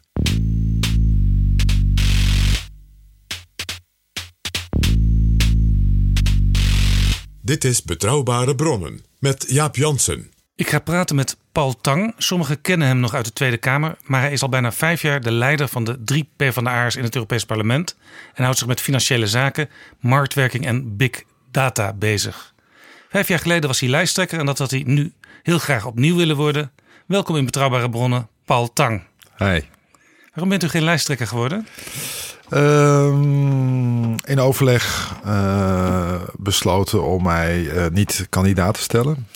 En om de ruimte te bieden aan uh, Frans Timmermans als, uh, als lijsttrekker, die ook die lijsttrekker is in Nederland en in, in Europa. Als spitsenkandidaat in het goed Nederlands. Ja, spitsenkandidaat betekent dat je de ambitie hebt om voorzitter van ja. de Europese Commissie te worden. Ja, dus Frans Timmermans is de kandidaat voor de Socialisten en Democraten om voorzitter te worden van de Europese Commissie. En dat laat ook zien dat je de politieke kleur heel bepalend is voor de, voor de keuzes die de commissie maakt. De commissie lijkt een bureaucratie. Alle commissarissen worden benoemd door landen. Maar het is natuurlijk een politiek orgaan. En dat wel degelijk richting geeft aan, eh, aan Europa. Ja, dat is de vorige keer ook zo gegaan. En toen is Juncker de voorzitter van de Europese Commissie geworden. Want die was ook van de eh, grootste politieke stroming in het Europees Parlement. En dat werd toen ook uh, gesteund uiteindelijk door de Sociaaldemocraten. Maar wel in ruil voor een politieke invulling van het programma. Ja, uh, Juncker heeft moeten komen met, uh, met een aantal beloftes richting het Europees Parlement, uh, richting de sociale, socialisten en democraten, om te zorgen dat hij inderdaad voldoende steun kreeg. Dus het was een, een, een wat afgezwakte vorm van een, van een akkoord dat, dat nodig was voor Juncker om steun te verwerven. En daarmee werd toen inderdaad de Raad van Regeringsleiders voor het blok gezet. Hè? Want het Europees Parlement zegt: wij hebben een kandidaat. Uh, wie jullie ook uh, aandragen, dit is onze kandidaat. Ja, het is de vraag of het deze keer zo gaat, want die regeringsleiders die hebben er een beetje tabak van. Nou ja, ze waren toen misschien wat overvallen. Hè? Dus, uh, en in Nederland was het hele proces van spitsenkandidaat was onbekend, speelde geen rol. Maar in Duitsland, Oostenrijk, Spanje speelde dat wel een rol. En ik denk dat toen de regeringsleiders overvallen waren en eigenlijk geen keus meer hadden. Toen heeft David Cameron nog geprobeerd te vergeefs. Het kan zijn dat ze nu een, een konijn uit de hoed gaan toveren, omdat ze voorbereid zijn. Maar het proces is nog steeds hetzelfde. Uh, het Europees Parlement kan een kandidaat naar voren schuiven waar niemand omheen kan. Angela Merkel die steunt uh, in ieder geval op papier Manfred Weber van haar eigen ja. Christen-Democraten uit Beieren. Uh, maar die heeft ook al wel eens laten doorschemeren dat proces eigenlijk niks vindt van die spitsenkandidaten. Uh, Macron, ook belangrijk in Europa. De Franse president vindt het ook niks. En Mark Rutte, die vindt het ook al helemaal niks. Ja, maar eh, dat is uh, heel eigen aan regeringsleiders. Ze willen, het zijn net mensen, ze willen het zelf voor het zeggen hebben. Terwijl het Europees Parlement juist wil dat die beslissing uit de achterkamertjes gaat. Want dat is waar het over gaat. Hè. Wie bepaalt het uiteindelijk?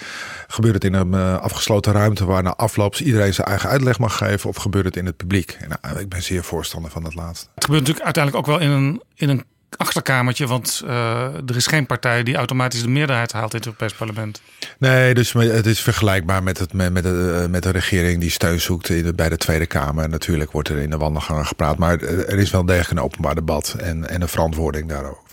Vorige keer had u dus uh, als Europarlementariër invloed op het uh, inhoudelijke programma van de commissie in ruil voor de steun aan Juncker. heeft die commissie online van Juncker het waargemaakt? Um, nou ja, niet voldoende zou ik willen zeggen. Ik bedoel, uh, het heeft het waargemaakt. Bijvoorbeeld, hè, er is echt een omslag geweest in, uh, in, het, uh, in het economisch beleid. veel minder nadruk op, op bezuinigen en hervormen, maar ook op investeren. Daar kwam, uh, dat heet tegenwoordig het Jonkerfonds. Maar het was een idee van, uh, van de Sociaaldemocraten. We willen graag een investeringsfonds hebben. En bedenk 2014 is nog het moment waarop in veel landen de werkloosheid heel hoog is. Inmiddels in, is die, Nederland dat bijna alweer vergeten. Maar was dus eigenlijk ook wel logisch dat je op dat moment zo'n. Ja, maar het was er niet. Dus er kwam echt dus er werd een, er kwam aandacht voor investeringen. En er werden ook middelen vrijgemaakt voor investeringen. Maar was het nou voldoende? Nee, want ik denk ook dat ook de commissie kon niet heenbreken door de landen, uh, de zuinige landen, die graag willen dat de begrotingsregels uh, worden nagevolgd. En uh, daar is geen ruimte voor extra investeringen. Bijvoorbeeld Duitsland en Frankrijk, de Europese Commissie heeft opgeroepen. Duitsland en Frankrijk, sorry, Duitsland en Nederland investeer meer. en dat hebben de landen gewoon naast zich neergelegd. Ja, want dat is ook een probleem soms in Europa dat de Europese Commissie heeft allerlei ideeën. Het Europees Parlement heeft allerlei ideeën. Maar lang niet over alles uh, kunnen ze echt hun zin doordrijven. Je hebt natuurlijk uh, de regeringsleiders en de, de nationale ministers. Die het ook in Europa met elkaar eens moeten worden over veel zaken. Uh, het Europees Parlement heeft op sommige terreinen echt macht en invloed, maar niet op alles. En de commissie die kan vaak alleen maar een voorstel doen, maar moet dan afwachten wat ermee gebeurt. Ja, zeker. Je hebt eigenlijk uiteindelijk twee poten waarop Europa loopt. Het Europa van de burgers, het Europees Parlement en het Europa van de landen. Eh, de Raad van Regeringsleiders of van ministers. En dat is op zich ook goed, hè, want dat betekent dat je zowel het Europese als de nationale belangen bij elkaar in evenwicht houdt. Ja, het is allebei dus een vorm van democratische invloed en democratische macht. Uh, en, en, maar die, die kunnen elkaar ook in evenwicht houden, kunnen elkaar ook blokkeren. En dat is ook, het, uh, ook het, gevolg, uh, het gevolg daarvan. Normaal soms zijn nationale belangen dermate zwaarwegend dat een Europese oplossing toch niet kan. Dus nou uh, zo, daar ben ik op zich wel voor dat dat evenwicht er is. Maar betekent wel eens dat uh, als de commissie voorstel doet... dat het bij een van de twee poten, het Europa van de burgers of het Europa van de landen... geen steun kan vinden. En overigens is het vaak, zijn het vaak de landen die tegenstribben... die het moeilijk vinden om dat thuis uit te leggen. Over de commissie gesproken onder leiding van Juncker. De vicepresident was Frans Timmermans. die zou heel veel regels gaan schrappen. Is dat allemaal in voldoende mate gebeurd? Nou, wat je wel ziet is dat deze commissie heeft uh, gezegd... we zijn een politieke commissie, dat vind ik ook terecht. Uh, we hebben altijd verantwoording willen afleggen. Uh, duidelijke keuzes gemaakt. niet alles is daar, heeft, heeft tot resultaat kunnen leiden. zoals we net hebben besproken. en voor de rest heeft deze commissie heel keurig zich gericht op de grote zaken. En dat lijkt mij, de, dat is eigenlijk de belangrijkste opdracht. Dus de, Europa moet, uh, is groot, dus moeten zich ook bezighouden met, met de grote zaken. En als je dan regels schrapt, dan kun je kleine regeltjes schrappen, maar je moet gewoon nadenken. Kijk, maar, maar, dat is wat de Nederlandse wetgever ook altijd heeft gedaan. Hè. We noemen dat administratieve lastenverlichting, dat op een volgende rondes. Het is ook een deel van wetgeving dat je probeert oude wet en regels weer eens tegen het licht te houden. Nou, met de maar u vindt, ik hoor een beetje in uw woorden, u vindt dat niet het belangrijkste voor een Europese Commissie om te doen? Nee, ik vind het deel van wetgeving. En eh, de, de, het is, uh, dat is uh, de Europese Commissie is medewetgever, dus dat hoort bij hun taak uitstekend. Maar dat is niet de grote politieke keuze. De grote politieke keuze is richt je op de grote zaken. Een voorbeeld van een voorstel dat ook is geblokkeerd was het voorstel voor de opvang van vluchtelingen. Dat kwam al in uh, mei 2015. Dat kon geen enkele steun vinden in de Raad van Regeringsleiders. Toen was het alleen maar Theo Renzi, de Italiaanse premier, die op de tafel ging staan, stampvoeten. Van dit moet gebeuren. Want Italië had natuurlijk al dus uh, stroom vluchtelingen uit met name Afrika. Daarna kwamen de grote, kwam de grote stroom vluchtelingen op gang. En pas toen gingen landen als Duitsland en Frankrijk om. En dus dan zie je dat, uh, dat de commissie op zich het goede voorstel heeft gedaan. Maar dat het, ja, dat er toch eerst een, een ongeluk moet gebeuren. Wil zo'n voorstel dan weer een kans hebben. Ja, het is dus een kwestie ook voor u in het Europees Parlement om gewoon taai door te werken met plannen, met ideeën. En uiteindelijk vinden ze misschien ooit vruchtbare grond. Ja, maar dat is vaak zo in politiek. Hè? Dat is in Den Haag niet anders dan in Brussel. U bent geen lijsttrekker geworden. Uh, ik praat, ik probeer met zoveel mogelijk lijsttrekkers ook te praten ja. in betrouwbare bronnen. Maar ik wilde toch al wel met u praten, want u heeft een boek geschreven, Dijk van Europa. Ja. Ondertitel Kunnen we de Europese Unie nieuw elan geven? Is dat eigenlijk, een, eigenlijk bedoeld als boek voor het lijsttrekkerschap? Nee, uh, nee want het was, uh, het was gewoon hard werk om het af te krijgen. Uh, dus zo gepland is dat niet. En ik was blij dat, het, dat ik het heb weten af te ronden. Want uw bedoeling was sowieso ik wilde... al een tijd geleden om een keer alles in een boek op te schrijven. Ja, ik wilde de, de onrust die ik voel en die, ik, die wilde ik wel een keer benoemen en, en vastleggen en, en met mensen delen. Dat was het idee. Het boek heet Dijk van Europa. Ik vind het een beetje een lastige titel. En als ik het als ik de kaft van het boek bekijk, dan weet ik niet precies wat ik zie. Kunt u uitleggen ja, wat ik zie? De, de, de, kaft, daar bestaat ook wel enige discussie over. Het zijn eigenlijk paaltjes uh, die je bijvoorbeeld vindt op een luchthaven. En die paaltjes kan je verplaatsen. Dat is eigenlijk het idee uh, volgens mij. Dat zijn van die paaltjes die staan naast rijen of die, ja. of die ergens staan om mensen tijdelijk tegen ja, te houden. Dus je bent op zoek naar een Europa, juist door de paaltjes wel weer te, wel weer te verzetten. Zo zou je het kunnen zeggen. Maar dijk van Europa is natuurlijk ook bedoeld dat je een stevig Europa wilt.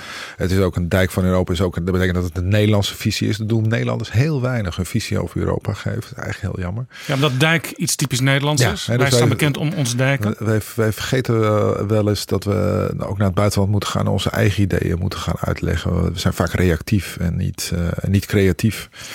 Is dat ook en, een beetje vanuit het idee van Nederland is niet het grootste land? Dus kunnen beter eerst even kijken hoe de grote opereren en dan kunnen we ons daarbij aansluiten. Terwijl ik denk dat ideeën heel veel impact kunnen hebben. Dus dat is, uh, dat is eigenlijk een onderschatting van de impact die je kan hebben. Maar inderdaad, de Nederlander is heel gewoon om als je in het buitenland uit te leggen dat we uit een klein land komen.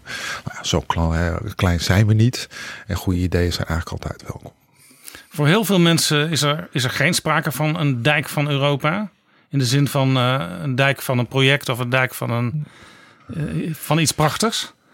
Dus als ik uw boek goed gelezen heb, dan wilt u een aantal nieuwe dijken opwerpen om Europa beter te laten functioneren en Europa meer tot de verbeelding te laten spreken. Ja, nou eigenlijk moet Europa doen wat mensen ervan verwachten. En dus als je aan mensen vraagt wat vindt u belangrijk, nou dat vinden ze vrij reizen, uh, vrij werken, studeren. In Europa vinden ze heerlijk, vooral niet, uh, niet veranderen. Uh, maar wat ze vervolgens ook verwachten is dat we met één stem spreken in het buitenland dat we gezamenlijk klimaat- en energiebeleid voeren. Uh, dat we gezamenlijk uh, migratie, uh, asiel en migratie proberen aan te pakken. dat doet Europa eigenlijk heel weinig. dus Europa doet op dit moment niet wat mensen eigenlijk van verwachten. Dus mensen hebben eigenlijk een hele goede intuïtie wat Europa zou moeten doen. Maar Europa doet het op dit moment niet. Het is nog eigenlijk te nationaal. En soms op dat punt te weinig, uh, te weinig Europees. Omgekeerd hebben mensen volledig gelijk dat Europa zich niet met alles moet bemoeien. Dus dat zeg ik ook. Je moet ook zorgen dat een aantal, uh, aantal zaken moet Europa niet doen. Hè. Dus heel veel van onze publieke voorzieningen, of het nu gaat over onderwijs, zorg, sociale zekerheid, is nationaal en eigenlijk vaak heel erg lokaal. Nou, moet je vooral zo laten. Uh, maar dat, dat, dat zijn soms ook dingen die in Nederland enorm goed geregeld zijn. Ik noem het pensioenstelsel. Daar worden nu ja. wel vraagtekens bij gezet. Maar het is, uh, ja, ik denk dat je gewoon kunt zeggen dat dat het beste pensioenstelsel ter, ja. ter wereld is. Dan toch hebben we een hele lange discussie over. Mooi hè? Ja, en wij zijn uh, natuurlijk ook een beetje bang als Nederland dat als we dat bij wijze van spreken in de grote Europese pot zouden gooien, dat we dan ja, de helft van ons geld kwijt zijn. Ja, nee, dus daarom denk ik ook niet dat dat is niet een onderdeel uh, van, van, van Europa. He, dus dit zijn de publieke sociale voorzieningen, vooral daar, vooral bij landen of bij gemeentes laten. Toch hoor ik altijd de Partij van de Arbeid traditioneel zeggen, als het over Europa gaat, wij zijn voorstander van een sociaal Europa. Ja, want er zijn natuurlijk uh, zeg maar verkeersregels in het vrij verkeer die gewaarborgd moeten worden. En dat geldt voor, voor, voor werknemers als ze over de grens gaan werken. Als je hier komt werken, dan moet je je houden aan de Nederlandse arbeidsvoorwaarden. Dat is zo'n verkeersregel die, die niet gehandhaafd wordt. Ja, want daar is bijvoorbeeld Lodewijk Asscher toen die minister van Sociale Zaken was. En ook in uw Europarlementsfractie is mevrouw Jongerius, ja. Agnes Jongerius ook mee bezig geweest. Ja, en met succes is dat. Uh, en, uh, dat uh, dus daar is de verkeersregel nog eens duidelijk vastgelegd. En nu gaat het ook om handhaving van die verkeersregels. Ook, ook belangrijk. Hè? maar dat is precies waar je, hoe je Europa socialer kan maken. Maar socialer betekent voor mij ook. En wat je ziet is dat eigenlijk de machtsbalans enorm verschoven is. we hebben, dat heeft, we hebben twintig jaar globalisering gehad na de val van de muur. En dat betekent dat de aandeelhouder is baas geworden bij bedrijven. Dus het betalen van dividend staat voorop. Uh, de bestuurder krijgt bonussen om in dienst te werken van de aandeelhouder. Het groot bedrijf denkt dat belasting betalen voor de dom is. De marktmacht is gegroeid. Kijk naar Google en Facebook. Dat is de ene kant van de balans. En de andere kant van de balans is dat de werkende ziet het loon niet stijgen, bij ver achter bij de winsten, uh, moet flexibel zijn, want dan kan een reorganisatie dreigen. En als, als een werknemer buiten het bedrijf is kan je alleen een tijdelijk contract krijgen of een flexibel verband. Mag betalen voor blunderende bankiers. Uh, dus die balans die is enorm verschoven. Nou zegt een, een onafhankelijk instituut als het Centraal Planbureau dat de lonen in Nederland uh, niet of nauwelijks zijn gestegen, omdat de arbeidsproductiviteit ook niet of nauwelijks is gestegen. Ja. Nee, dat betekent ook dat veel van het, uh, van het kapitaal is eigenlijk bezig met herverdeling. Dus we zien een verdeling van, van arm naar rijk.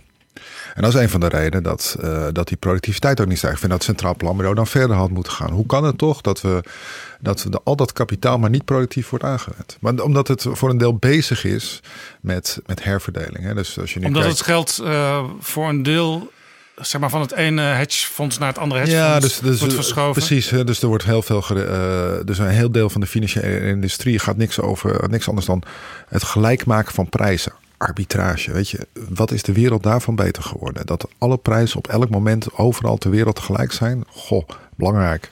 Nee, dus. Uh, dus men is. Uh, en dat, dus een deel uh, is eigenlijk een waterhoofd, een waterhoofd geworden.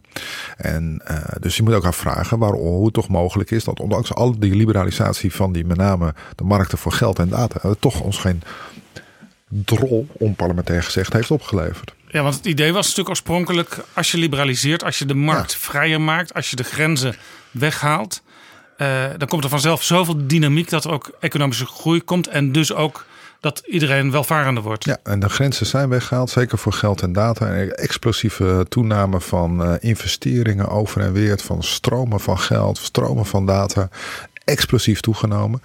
Maar wat is niet is toegenomen is de economische groei. Dus die gaat even verder omlaag. En als de macht van de aandeelhouders dermate is gegroeid dat uh, werknemers uh, ja, in feite de klos zijn en geen vuist meer kunnen maken, dan kun je dus concluderen dat wij in Europa eigenlijk meer de kant, de Anglo-Saxische kant op zijn gegaan, de, de Amerikaanse kant. Ja, we zijn inderdaad, en, het, uh, en de ironie wil nou, nou net de Anglo-Saxische landen uit de wereldorde zijn gestapt. Door Brexit, door met de keuze voor Trump. Uh, en Europa zit nog steeds met het Anglo-Saxische model. We moeten daarmee terug ook naar het Europese model, uh, volgens mij. Een, model waarbij de onderneming weer voor iedereen is. En ja, dat noemden we vroeger het Rijnlandse model. Het Rijnlandse model. En nog steeds staat het bij ons in de wet. Hè? Dus de bestuurder is verantwoordelijk uh, voor de belangen van alle betrokkenen bij het bedrijf. Maar dat is inderdaad alleen nog maar de wet. In de praktijk wordt er gericht op, gaat het om, wat is de winst het volgende kwartaal? Hoeveel dividend wordt er uitgekeerd? En het mooiste voorbeeld hebben we natuurlijk hier in Den Haag gezien, waar uh, Unilever, een Nederlandse minister-president, tot in de vezels kan overtuigen dat het afschaffen van dividendbelasting goed is. En uiteindelijk de Britse aandeelhouders bepalen dat het niet doorgaat. Ja, dus dat is, dit is de macht Paul van het Polman, geld. die heeft geen macht. Althans, hij kan zijn aandeelhouders op een bepaalde manier niet zo bepraten dat zij doen wat hij eigenlijk het beste vindt Ja. voor het bedrijf. Nee, je ziet dat Paul Polman heeft natuurlijk ingezet ook op een duurzame onderneming. Hij heeft dus die opdracht van die onderneming veranderd. Ja, dat is goed. Dat vindt- vindt de Partij van de Arbeid vind ik- ook. Vind ik mooi. Maar je zag natuurlijk dat hij onder vuur kwam eh, door een overnamepoging van Heidskracht. En, uh, en daarna moest hij natuurlijk zijn beleid aanpassen. Ook zorgen dat er één hoofdkantoor was. Hij koos voor Nederland. Dat, die, dat gevecht heeft hij verloren. Maar dat komt, van, uh, komt uit die vijandige overnamepoging uh, vandaan. Ja, Nederland was voor hem ook de ideale plaats. Omdat in Nederland bedrijven toch nog iets beter beschermd zijn dan bijvoorbeeld in het Verenigd Koninkrijk tegen overnames. Precies, en dat is waar je, waar je ziet hij wilde dus eigenlijk weg bij die macht van de aandeelhouders. Want dat is heel belemmerend, want dat betekent dat je steeds bezig bent met de korte termijn. Terwijl wat Polman wilde was een bedrijf maken wat duurzaam was. Dat kijkt naar de effecten van die onderneming op uh, niet alleen op profit, maar ook op people en planet. En dat is eigenlijk wat je nodig hebt in onze samenleving. Want dan worden die verhoudingen, de, die machtsbalans, die waar ik het net over had, die raakt veel minder verstoord. Dan wordt het veel meer een samenwerking van factoren. Uh, en nu, staan de, nu zijn ze tegengesteld. Uh, nou is die Anglo-Saxische cultuur die is dus doorgedrongen in Europa. Dat, dat aandeelhouderskapitalisme wat dominant is geworden. Je ziet natuurlijk ook bijvoorbeeld China opkomen, waar je in feite ook een soort aandeelhouderskapitalisme hebt. Maar dan is de aandeelhouder. Ja, staatskapitalisme. Ja, de, de, de staat, de, de partij. Wim Kok die heeft toen hij geen minister-president meer was, een rapport geschreven. Uh, met als doel Europa de meest concurrerende ja. uh, regio, het meest concurrerende blok van de wereld te maken. Ja. Uh, dat is nog niet gelukt. Uh, overigens is Nederland binnen Europa wel het meest concurrerende land. Dat is heel interessant. Um, maar als je de meest concurrerende ter wereld wil zijn, kun je dan eigenlijk wel van het aandeelhouderskapitalisme af? Ja, natuurlijk kan dat. Ik bedoel, Europa. je heeft... moet toch, als je competitie voert, als je, ook als je aan sport doet, dan moet je je toch houden aan de spelregels die voor iedereen gelden. Dus dan moet je toch meedoen op de manier waarop anderen het ook doen. Uh, nou ja, kijk, uh, ik zit even na te denken over deze, deze analogie. Uh, laten we even vaststellen, in het rapport wat Wim Kok schreef stond de uitspraak rising tide lifts all boats. Daar hebben we het net over gehad. Dat is dus niet gebeurd. He, dus, dus een ja, als het beter gaat, gaat dus het voor iedereen beter. Ja, dus, dus de, de 1% van mensen die het kapitaal hebben en uh, die het geld en de data hebben, die zijn beter af. De 99% niet. En dat is natuurlijk ook de zorg van, uh, van veel mensen. Dus, um, maar de vraag is, waarin wil je heel goed zijn? Um, dus kijken naar een bedrijf als Uber, wat uh, winst maakt, maar wel ten koste van, van de taxichauffeurs die als 40 uur werken geen minimumloon hebben en, als, en dan 60 uur moeten werken om wel het minimumloon te halen. Dus dat is de vraag, wat, wat heb je gewonnen? Ja, en die wat, voortdurend... Wat, wat, wat, wie wint er en wat precies. heb je precies Want die taxichauffeurs worden voortdurend gecontroleerd... Uh, hoe snel ze zijn, hoe, hoe hoog ze performen... Uh, nou ja, uiteindelijk worden ze erop afgerekend. Laatst is ook het voorbeeld aan een taxichauffeur die, die niet die aan het wachten was, daar maar gaat rondrijden en uh, bij het rondrijden een meisje in Amsterdam heeft doodgereden. En Uber ontkent elke verantwoordelijkheid. Hè? Dus men, wij zijn een ja. platform, wij zijn geen werkgever. Uh, dus het is, welke wedstrijd wil je winnen? Dat is even de vraag. Je hoeft niet aan elke wedstrijd mee te doen. En dan moet, dan, dan moet je dus zo spelen dat je uh, de rest van de wereld zoveel te bieden hebt. dat ze toch bij jou Kijk, spullen uh, willen kopen en tuurlijk, met jou willen handelen. Maar Europa is een economische grootmacht. Wij kunnen zelf bepalen uh, hoe wij onze economie en dus onze samenleving willen inrichten. En daarmee kunnen we een enorm effect hebben op de rest van de wereld. De rest van de wereld eh, zal het niet doen. Amerika en Engeland zijn natuurlijk nu in zichzelf gekeerd, druk met zichzelf meten. Uh, Trump is druk bezig Amerika weer groot te maken. Uh, China is, uh, heeft zijn eigen vorm. Uh, dus Europa zal zelf zijn weg moeten vinden om, om de economie en de naar onze hand te zetten. En weer de samenleving te laten dienen. En dat, dat zit ook in Europa, hè, want de traditie is er natuurlijk nog steeds. Want het is niet zo, het is niet overal kommer en kwel. Net het voorbeeld van Unilever met, met de Nederlandse Paul aan de leiding. Uh, zo zijn er nog veel bedrijven die echt wel denken dat, dat ze een bredere opdracht hebben dan alleen geld verdienen. Maar het lastige is, als je Europa een, een belangrijke rol wil laten spelen in het zeg maar weer menselijker maken van uh, de arbeidsmarkt, van de kapitaalmarkt, dan moet je ook de nationale lidstaten mee hebben. En die zijn juist, Nederland ook, bijvoorbeeld de vennootschapsbelasting nationaal aan het verlagen. Ja, maar hier zie je dus dat landen elkaar gevangen houden en, uh, wel en met elkaar gaan concurreren om, voor steeds lagere belastingen. En uiteindelijk levert dat de landen niks op, maar de aandeelhouders. En dat zijn, dat zijn de grote winnaars. Daarom zeg je, je moet wel nadenken welke wedstrijd je wil spelen. Landen zijn nu bezig met een wedstrijd om aandeelhouders te bevoordelen. want de belastingen worden steeds lager, zijn steeds gunstiger. Ja, eh, ik denk als je dat spel wil veranderen, dan moet je om tafel gaan zitten en zeggen: Oké, we gaan dit, we gaan dit spel anders spelen. En, en weer komen tot een eerlijke bijdrage, juist voor multinationals en miljonairs. Dat is waar mensen ook naar verlangen. Klinkt heel logisch, maar ondertussen zijn alle actuele gebeurtenissen, bijvoorbeeld die Brexit. En bij de Brexit denkt Nederland, ja, wij moeten toch voorkomen dat bedrijven allemaal op een kluitje in Londen gaan zitten, omdat ze daar uiteindelijk de laagste tarieven hebben. Ja, dus moet je ook proberen met Engeland weer afspraken te maken over, uh, over belastingen. Dat, dus daarom is het ook doodzonde dat, uh, dat Engeland uit de EU is gestapt. Want dan maakt dat soort afspraken moeilijk. Maar maakt ze niet, maakt het niet onmogelijk. Dus ook Philip Hammond, meneer, de, de, de, Britse minister van Financiën, heeft gezegd: we willen niet het Singapore worden. Dus dat is het uitgangspunt. Nou, dan moeten vanuit dat uitgangspunt moeten we gaan werken. Maar hier zie je dus een voorbeeld waarbij je ziet dat Bedrijven zijn mondiaal geworden, spelen landen tegen elkaar uit, kunnen daardoor steeds makkelijker zelf bepalen waar ze winst maken en dus waar ze belasting betalen, namelijk waar de belasting laag is. Um, en uh, dat is een vorm van, van globalisering die, uh, die slechts weinigen die, die slechts weinigen kunnen op die manier kunnen beoefenen. En, dat, voor dat is in het voordeel van de, de, grote bedrijven en de aandeelhouders in dit verband. En dan landen staan daar op dit moment heel machteloos tegenover. Want dat is waar het boek eigenlijk over gaat. Over de machteloosheid in de politiek. En eh, voor een deel heeft dat te maken met die, uh, met die stromen van geld en data. Maar voor een deel heeft het ook te maken met de, met de cultuur die ook veranderd is. Uh, en vroeger gingen we nog uit van maakbaarheid van de samenleving. Dat is inmiddels veranderd. Uh, dat idee is soms losgelaten, ten onrechte denk ik. En vervangen door maakbaarheid van het individu.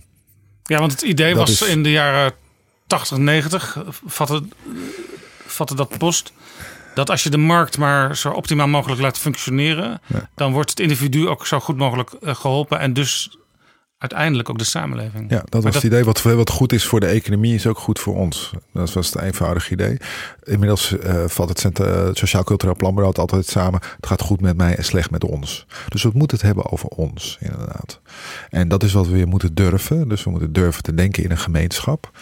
Uh, en dan moeten we ook de machteloosheid van ons afwerpen. Voor een deel zullen we dat moeten doen via, via de Europese Unie om ons te weer te stellen tegen de stromen van geld en daden. En voor een deel door weer de keuzes durven te maken, ook in ons eigen land. En durven dus niet alleen te praten over het individu, maar waar gaan we heen als gemeenschap? Ja, daar gaan we, praat ik zo verder over. Uh, maar dit, dit, betekent dus wel, als je terugkijkt in de recente politieke geschiedenis, uh, bijvoorbeeld de Paarse kabinet onder leiding van Wim Kok, dat ook de Partij van de Arbeid uh, zich vergist heeft, of in ieder geval een koers heeft ingezet destijds die achteraf gezien niet zo verstandig was.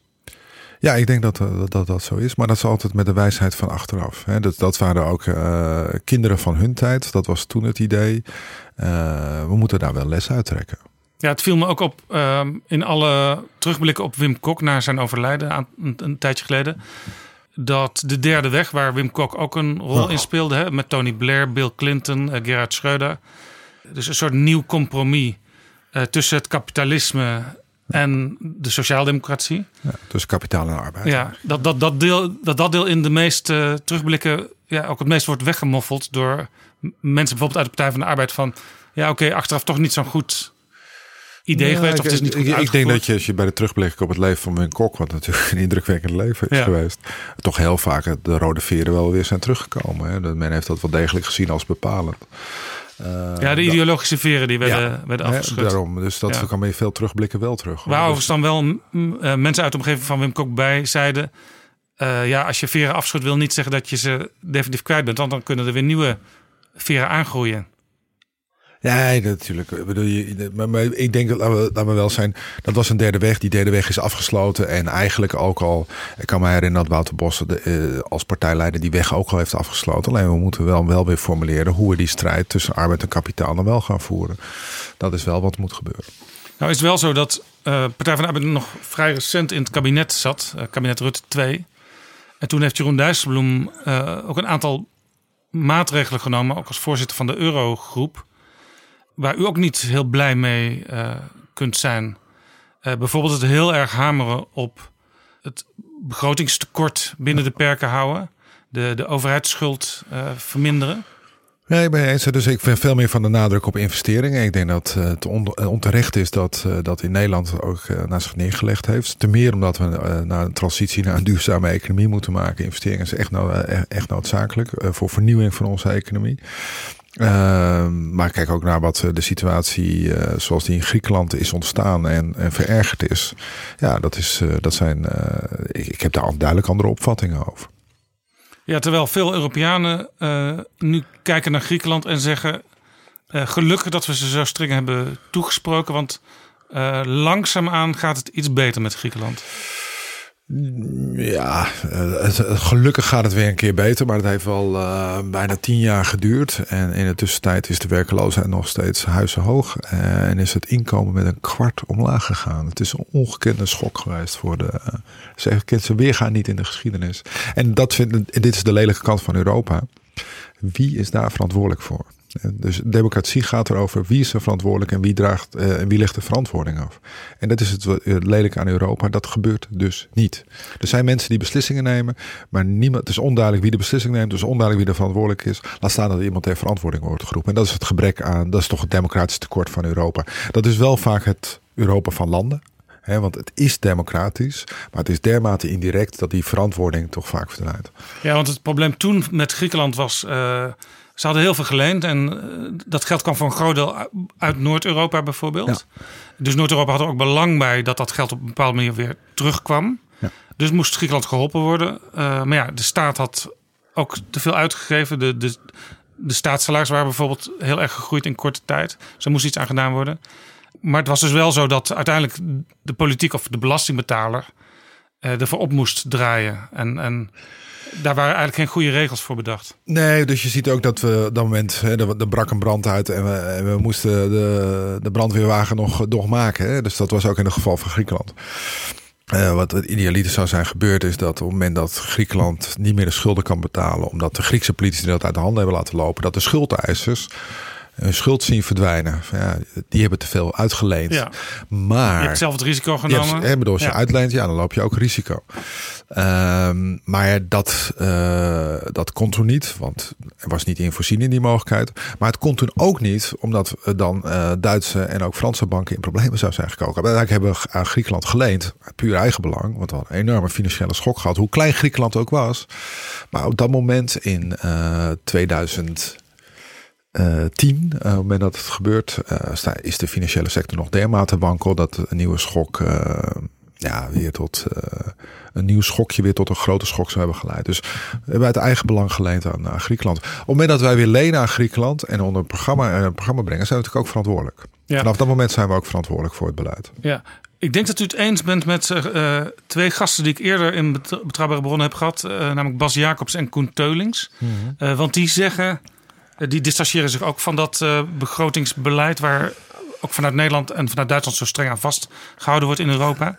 Want zij zeggen als het, als het slecht gaat, dan moet je juist investeren. En als het goed gaat, dan moet je juist uh, de andere kant op gaan. En beide dingen gebeuren niet. Nee. Nee, dat klopt. En uh, de gek moment uh, wordt al gezegd dat economen zijn het vaak niet eens. Maar hierover zijn economen het eigenlijk heel, heel breed eens. En je gaat tegen de wind inhangen. Uh, en welke, welke school uh, je ook uh, in de economie het ook vraagt, je gaat tegen de wind inhangen. Ja, dat, dat gebeurt de, dus de afgelopen jaren niet gebeurd. En daardoor is alle pijn veel, veel langer geduurd dan nodig was, zonder meer.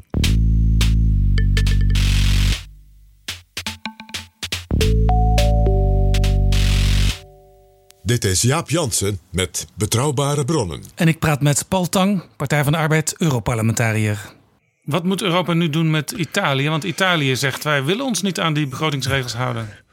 Nou ja, ik denk dat wat de Europese Commissie niet moet doen is paniek zaaien, om te beginnen. Ik zou zelf zou ik heel graag willen dat ze de onderhandelingen ook openen. Laat nou zien welke mogelijkheden er zijn om te komen tot een, uh, zeg maar een sociale begroting. Want de Italiaanse regering wil bijvoorbeeld uitkeringen verhogen. Uh, en, en, om, uh, en toch een verantwoordelijke begroting te hebben. En want het onderliggende probleem bij Italië is natuurlijk. Kijk, logischerwijs zou je zeggen. Uh, de uitkering gaat omhoog, daar moet worden voor betaald. Dat doen we door belastingen te verhogen, bij voorkeur de sterkste schouders, de zwaarste last. Maar het probleem is dan dat, dat Noord-Italië gaat betalen voor Zuid-Italië. Dus Leka is de partij van Noord-Italië. De Vijf Sterren is de partij van Zuid-Italië. Vormen samen de regering. Vormen samen de regering, maar komen, schuiven liever de Zwarte Piet naar Brussel. Dan dat ze onderling hun problemen gaan oplossen. Want ja, Leka kan niet uitleggen als zij hun kiezers laten betalen voor de kiezers van Vijf Sterren. Dat is het onderliggende Maar dan is het toch logisch dat Europa zegt, of dat de andere lidstaten zeggen.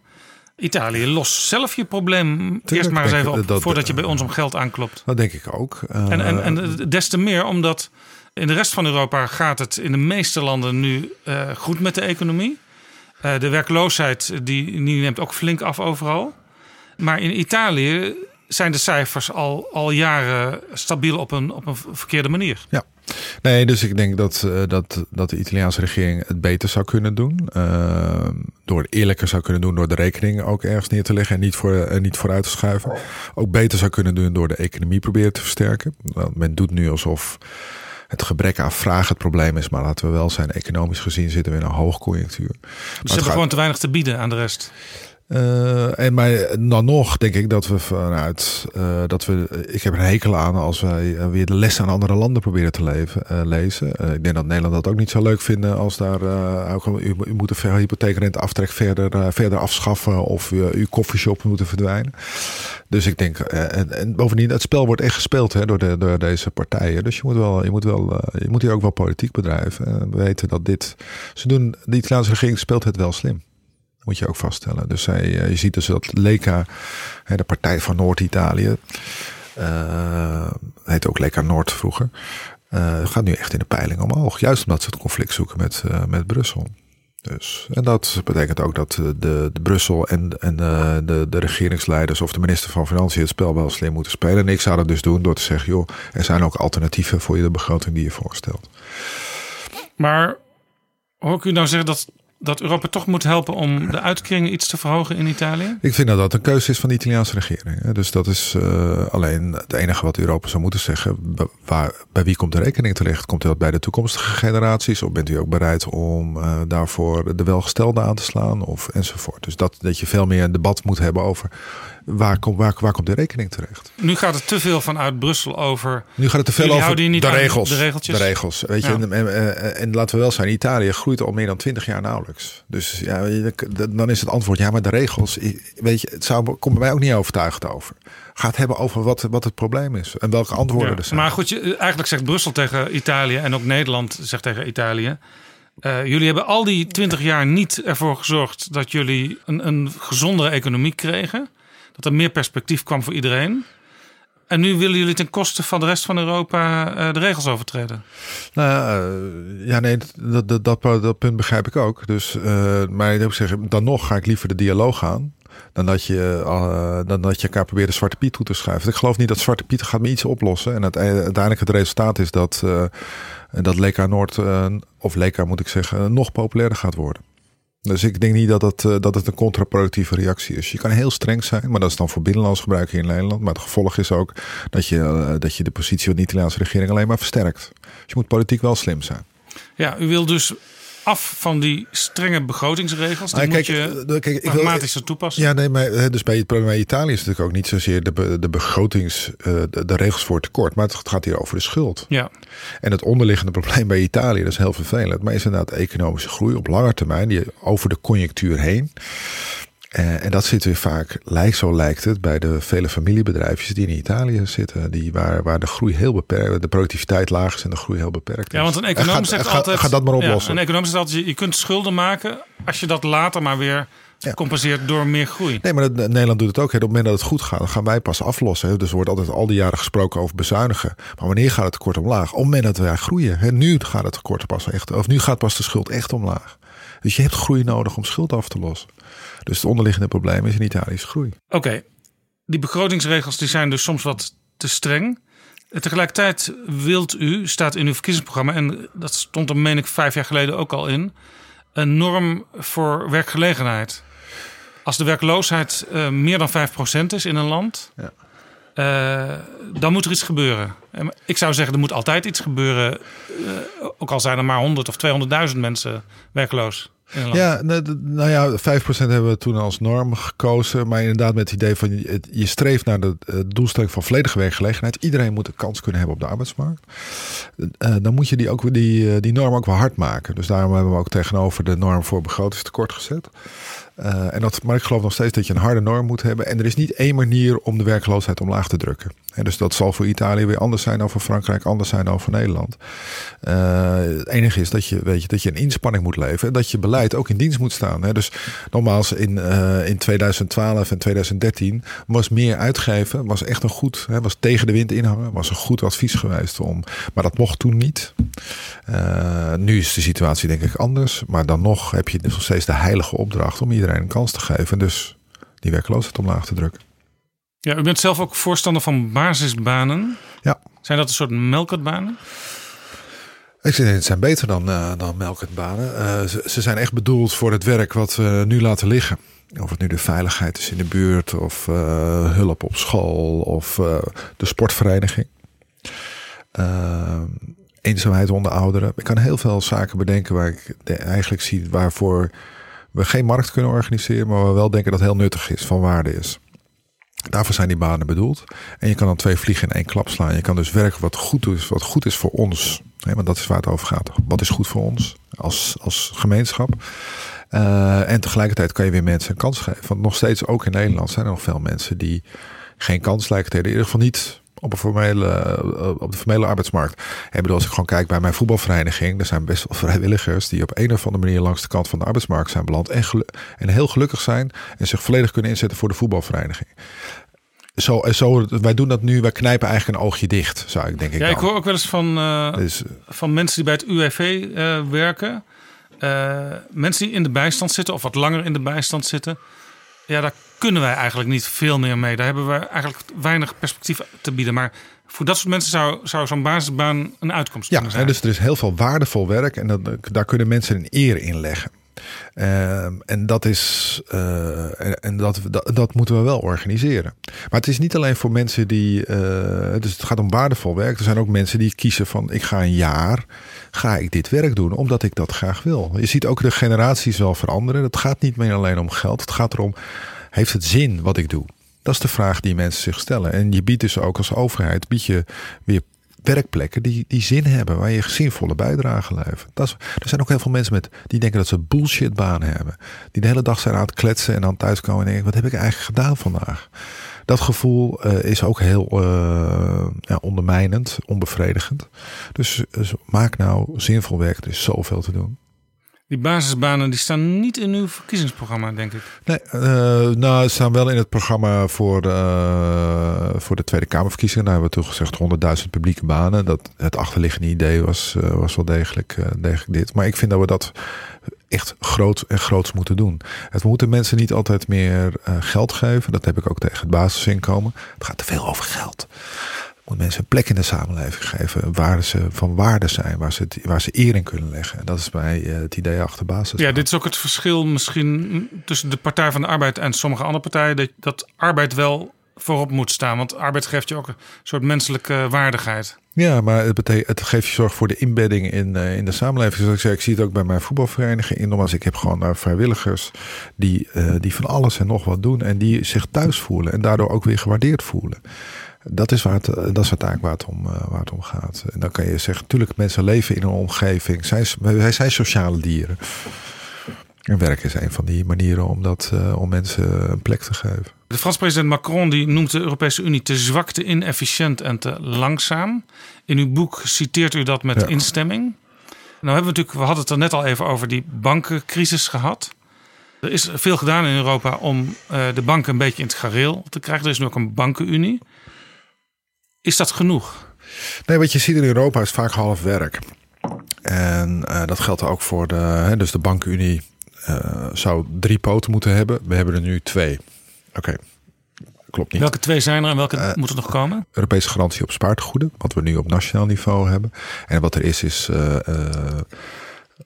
Europees toezicht en een Europees noodfonds. En die garantie op spaartegoeden. Uh, in Nederland, als je bij een bank zit, ben je tot 100.000 euro verzekerd dat, dat je dat geld houdt bij precies, een crisis. Maar dat, heeft, dat is verzekerd bij de Nederlandse overheid. Dus dat betekent dat Nederlandse banken nog steeds de Nederlandse overheid omver kunnen trekken. En dat is precies wat je wilt doorbreken. Je wilt niet meer dat banken landen omver kunnen trekken. Dus kun je beter in, op Europees niveau regelen? Dat moet je op Europees niveau regelen uiteindelijk. Het Nederlandse kabinet Rutte 3 klopt zich een beetje op de borst. Zeker ook staatssecretaris Menno Snel. Dat uh, belastingontwijking nu echt wordt aangepakt door Nederland. Want uw kritiek en ook kritiek van uw partij in het verleden was dat dat te weinig gebeurde.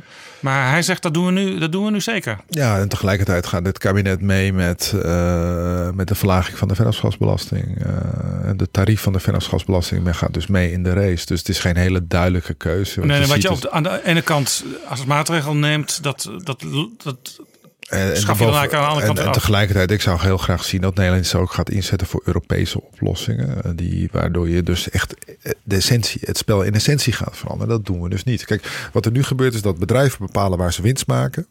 En dus waar ze belasting betalen. Ja, dat, zolang dat het, het spel is, dan gaan landen met elkaar concurreren en dan winnen de aandeelhouders. Uh, dus dat spel moet je veranderen. En daar zie ik Nederland zich dan weer niet voor inzetten. Dus het is dus ik ben blij dat, uh, dat de brievenbusmaatschappijen worden aangepakt. Dus dat is goed. En tegelijkertijd is het ook al halfhartig nog op dit moment. Ja, Nederland is altijd heel allergisch geweest voor uh, Europese belastingheffing.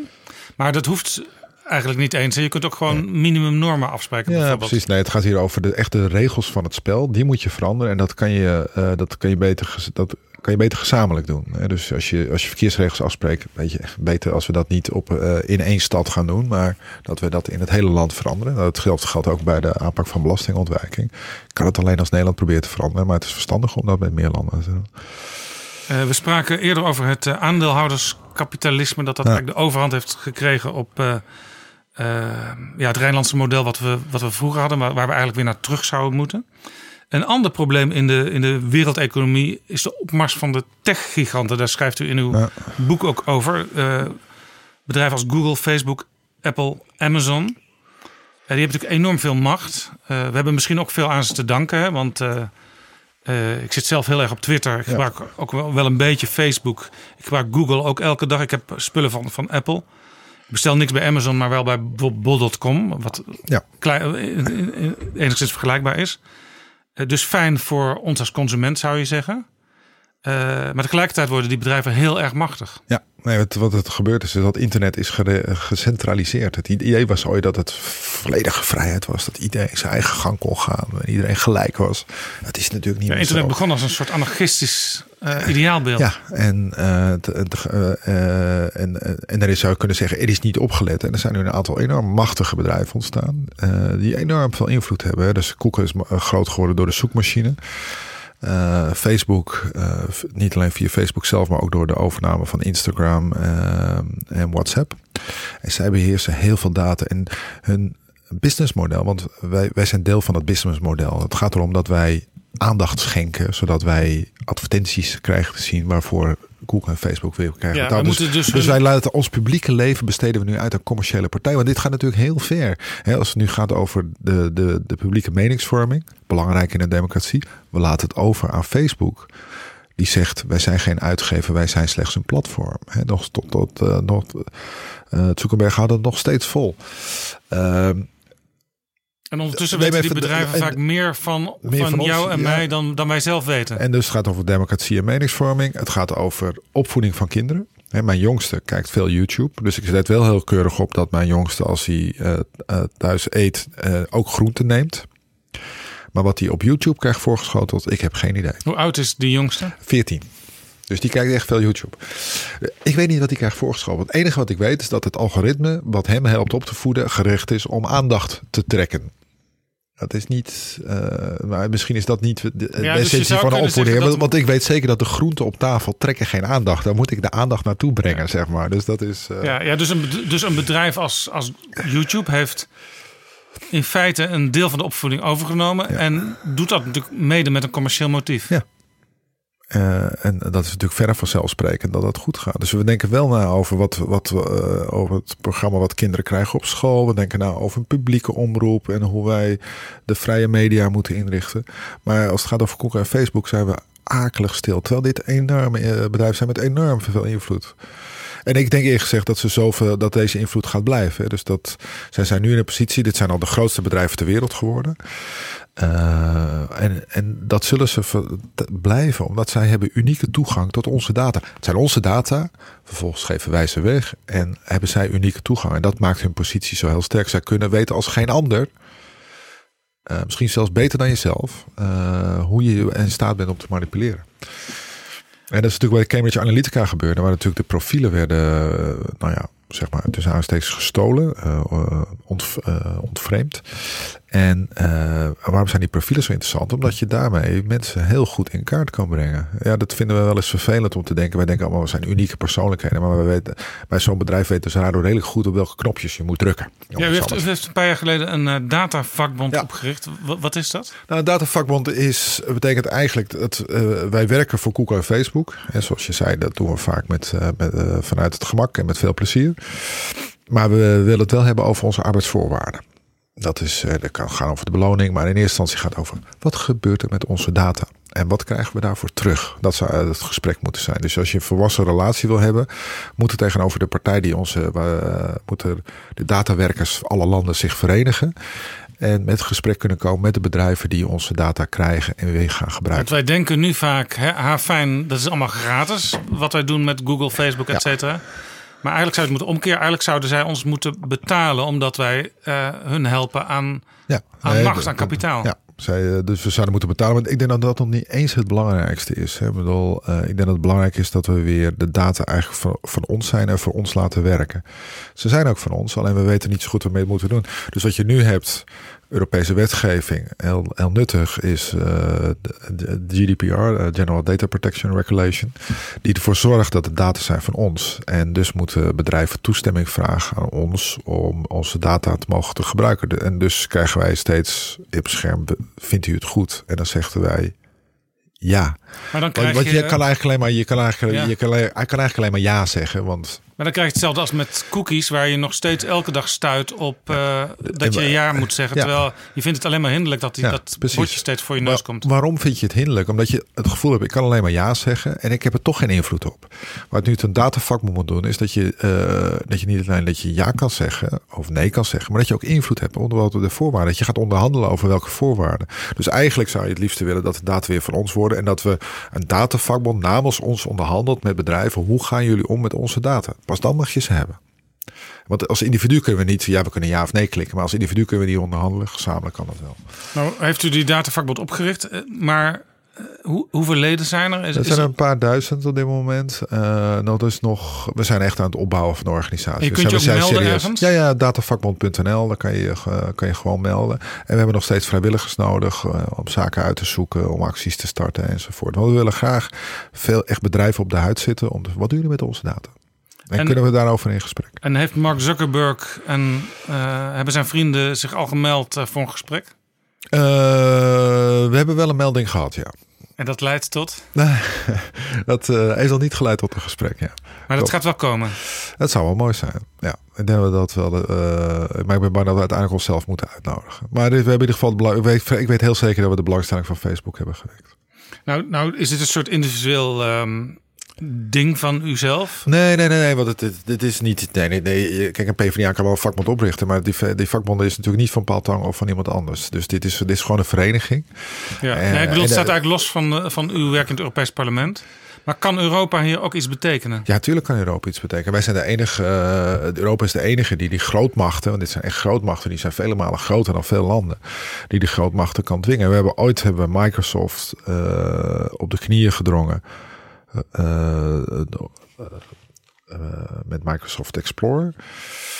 Nou, dat, dat, vergelijkbare stappen zal moeten gebeuren bij Google en Facebook. En dat is natuurlijk ook, die bedrijven zijn zo groot dat onze gebruikelijke manieren van reguleren, bijvoorbeeld het publiek maken, of het opsplitsen is best lastig geworden. Om, voor, zelfs voor Europa om een Amerikaans bedrijf op te splitsen. Het zou kunnen als we voldoende tegenmacht hebben. Dus we kunnen uh, Google dwingen tot splitsen. Ja, dus zeg maar, zoals, het gaat ooit, zoals ooit, om even een voorbeeld te geven, wat misschien niet zo heel goed voorbeeld is, maar uh, ooit is bijvoorbeeld heeft Nederland gezegd: we gaan NS en ProRail als twee bedrijven ja. uh, neerzetten, want dat wordt te veel macht in één hand. Nou is dat even de vraag of dat, dat een juiste beslissing is geweest. Maar in ieder geval, je kunt dus tegen bedrijven zeggen... jullie zijn nu zo'n groot, zo groot geworden... jullie zijn eigenlijk bijna of gehele monopolist geworden... Uh, split jezelf op in twee of in drie of in vier of in vijf ja, dus, Dit is wat uh, Facebook heeft uh, Instagram en WhatsApp opgenomen. Je zou dat kunnen terugdraaien. Je zou tegen Koek kunnen zeggen... Zoals nu al vaak tegen mediabedrijven wordt gezegd. Bijvoorbeeld als John de Mol iets wil bijkopen... Ja. dan is maar de vraag of hij dat mag... omdat hij al te veel macht heeft in het Nederlandse land. Precies, daar letten we dus dan wel op. Maar bij wereldwijd nog niet. En bij Google zou je zeggen de zoekmachine en andere onderdelen van elkaar afsplitsen zou heel verstandig zijn. En Europa zou dus kunnen zeggen, uh, ook al is het een Amerikaans bedrijf. Jullie worden alleen maar op onze markt toegelaten als jullie aan bepaalde voorwaarden voldoen. Ja, en dat is natuurlijk wat dat is, laten we zeggen, Europa is een economische grootmacht, maar zaak een politieke dwerg. Dus wij gebruiken die toegang tot de markt, die voor veel bedrijven zo interessant is, gebruiken wij niet om voorwaarden te stellen. En dat zouden we wel moeten doen. Want door die voorwaarden te stellen gaan we ook de wereld veranderen. Hè? Dus daarmee zetten wij de norm voor de, voor de wereld als geheel. Want uh, Facebook heeft al gezegd, nou die, uh, die Europese verordening, die gaan we nu voor de hele wereld mee invoeren. Want ja, ze dan toch één keer aan voeten voldoen, dan doen ze dan Dat is dan goed. Dat is dan goed. Dus je, je zit eigenlijk vanuit Europa zet je een mondiale norm. En op dit moment zijn er vrij weinig landen die dit meer doen. Hè, want Amerika en Engeland zijn uit die wereldorde gevallen. Dus Europa zal het moeten doen. En het idee is dan ook een beetje, uh, zoals je bij wijze van spreken nu al bij de Britten spijt ziet over de Brexit die nog, die nog moet komen. Uh, dat de Amerikanen en, en andere uh, grootmachten, economische grootmachten, uiteindelijk toch ook op een schreden terugkeren en aan proberen te sluiten bij wat Europa nu gaat doen. Ja, ik weet niet of er in, uh, in Groot-Brittannië echt spijt is. Hè. Ik denk nog steeds dat de meningen verdeeld zijn over, uh, over Brexit. Maar ik mag toch wel uh, denken dat mensen inmiddels begrijpen dat de wereld niet zo eenvoudig is als de Brexiteers hebben voorgeschoteld. Dat ze weer living in splendid isolation. Dat het toch niet zo geweldig is als je verbonden bent met de wereldeconomie. Dat je dus eigenlijk niet voor het zeggen hebt. En dus dat je dus dat gezamenlijk zal moeten doen. Een leus bij het Brexit-referendum was take back control. Eigenlijk zegt u ook uh, tegen uw kiezers take back control, maar dan op Europees niveau. Ja, op Europees niveau en op uh, nationaal niveau. Hè. Dus die basisbanen bijvoorbeeld is voor mij een manier om te zeggen: wij kunnen zelf keuzes maken die niet gedicteerd worden door de markt. Uh, dus geloof niet langer in de cultuur uh, van individuele maakbaarheid, maar in de cultuur van sociale maakbaarheid. Maar je hebt bij uh, veel onderwerpen, heb je, als het gaat om geld en data, heb je de Europese Unie nodig. Als het nu gaat over de aanpak van banken, als het nu gaat over de, de beloningen van bestuurders, de aanpak van belastingontwijking, het gevecht tegen de, de techgiganten Google en Facebook. Weet je, dat gaan we als klein land, dan zijn we echt een klein land, dan gaan we dat niet winnen. Veel Britse kiezers, vooral uh, lager opgeleide kiezers of kiezers die hun, baan kwijtgeraakt zijn in de oude industrie. Uh, die hebben voor Brexit gestemd. En die waren ook zwaar teleurgesteld in Europa. Want uh, Nigel Farage, die met u in het Europees Parlement zit, die heeft altijd gezegd: jullie hebben niks aan Europa. Nee, nogmaals, op het moment dat je ziet dat de 99% verliest van de 1%, denk ik dat Nigel Farage voor een deel gelijk heeft. En dus mijn boek gaat dus ook over het bestrijden van onmacht. Kijk, dus ik luister naar de populistische partijen, maar ik, de opdracht is om de traditionele partijen, partijen weer een nieuw elan te geven. En daarmee ook hebben ze Europa nodig. En is een nieuw elan voor Europa nodig. Maar inderdaad, take back control. Ik vind het een uitstekende slogan. Ik wil ook control, om eerlijk te zijn. Uh, ik denk dat iedereen het wil. Uh, maar het gaat erom, dat betekent dat je, dat je wel die onmacht en die is vaak zelf opgelegd. En voor een deels, uh, deels door de globalisering. Die, moet, je die onmacht moet bestrijden. En ik zie Europa dus ook als een tegenmacht. die ons daarmee weer uh, beschermt. Hè, een dijk van Europa. Ja, in, in, Nederland hoor je soms ook. Uh, u schrijft het ook in uw boek. Als u bijvoorbeeld op campagnepad bent. mensen zeggen: Partij van de Arbeid heeft mij teleurgesteld. Ik ja, heb er vroeger altijd op gestemd. Ja. Maar ja, nu, nu stem ik op die blonde. Ja. Ja, want hij, uh, hij, hij, hij, zegt, uh, hij zegt tenminste wat. Hij zegt waar het op staat. Nou ja, dat is, uh, dat, mensen voelen zich in de steek gelaten. En ik heb vaak gevraagd wanneer dan en waarom dan. En mensen zijn er heel specifieker over. Dus het heeft veel meer te maken met Het gaat goed met mij, maar slecht met ons. Dat gevoel hebben mensen heel sterk. En de Partij van de Arbeid heeft dat niet goed, niet goed onder woorden gebracht. In uw boek schrijft u, en dat vind ik nogal stevig klinken. U schrijft: de parallel tussen de Weimarrepubliek en de Europese Unie is niet moeilijk te trekken. Wat bedoelt u daarmee? Nou, dat komt door een uitspraak van Richard van Weizsäcker, de oud-bondspresident, inmiddels overleden van Duitsland. Die heeft gezegd: de, de Weimarrepubliek is niet, ten, uh, niet zozeer ten onder gegaan aan een teveel aan naties, maar bij een gebrek aan democraten. Dus dat was te weinig. Uh, en ik vind dus. Dus het verdedigen van zeg maar, de democratische waarden, ja. de rechtsstaat. Ja. Dat, dat, daar ontbrak het aan. Daar ontbrak het aan. Dus je moet voorstanders hebben. En datzelfde geldt ook voor Europa. Hè. Dus wij staan voor een aantal idealen. Uh, ik, ik formuleer ze altijd als vrijheid, gelijkheid en broederschap. Hè. De vrijheid van meningsuiting, de vrijheid van politiek, de gelijkheid voor de wet.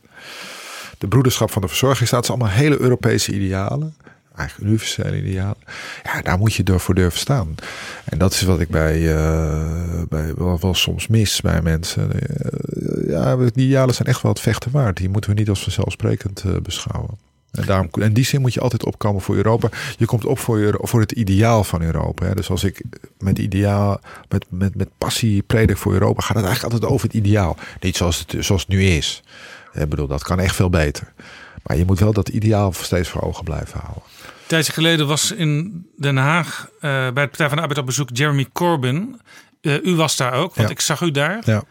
Uh, en u keek met, toch met een zekere belangstelling naar hoe hij daar stond te, te, te, spreken. Het ging ook over de strijd tegen het grootkapitaal. Ja. Uh, daar bent u waarschijnlijk ook een aantal dingen die hij wil over eens. Maar aan de andere kant is Jeremy Corbyn natuurlijk ook wel iemand die heel erg, ja, toch, zeg maar in 1971 is blijven hangen wat, wat socialistische ideeën betreft. Ja, maar toen ik het boek schreef, eh, denk ik, laat eens kijken wat Den Uyl erover geschreven heeft. Nou, heeft Joop Den Uyl nooit zo heel veel geschreven. Maar wat hij schreef in de tijd dat hij directeur van de Wierda Beckman Stichting eh, was. En dat, wat hij schreef was heel goed. En dan kan je het ook gewoon terugvinden. Hè, dat de multinationals uh, de democratie hebben overgenomen. Kan je gewoon in Joop Den Uyl terugvinden. Ja, ja Den Uyl, ik, ik, ik, ik, ik, ik denk dat het ook weer ja. van deze tijd is. Een van de constanten in Joop Den Uyls betogen was altijd... er is een tweedeling en die vulde die dan ook in de loop van de tientallen jaren uh, steeds anders in. Hè? Want er waren natuurlijk steeds maatschappelijke ontwikkelingen. Ja. Maar die tweedeling, daar had hij een enorm uh, scherp oog voor. Ja, en hij durfde dus wel, hè, dus wat de derde weg juist was, was die tweedeling in zekere zin opheffen. En dat wat zal Joop Den Uyl nooit hebben gedaan. Dus je mag best, ook als sociaaldemocraat, putten uit die traditie. En in zekere zin is Jeremy Corbyn deel van die traditie. Uh, en die ook weer heel populair aan het worden is. En terecht, want dit zijn precies het probleem. En het gekke is, je ziet dus niet alleen bij sociaaldemocraten... die weer teruggrijpen op die traditie, die, die bij ons heel sterk is...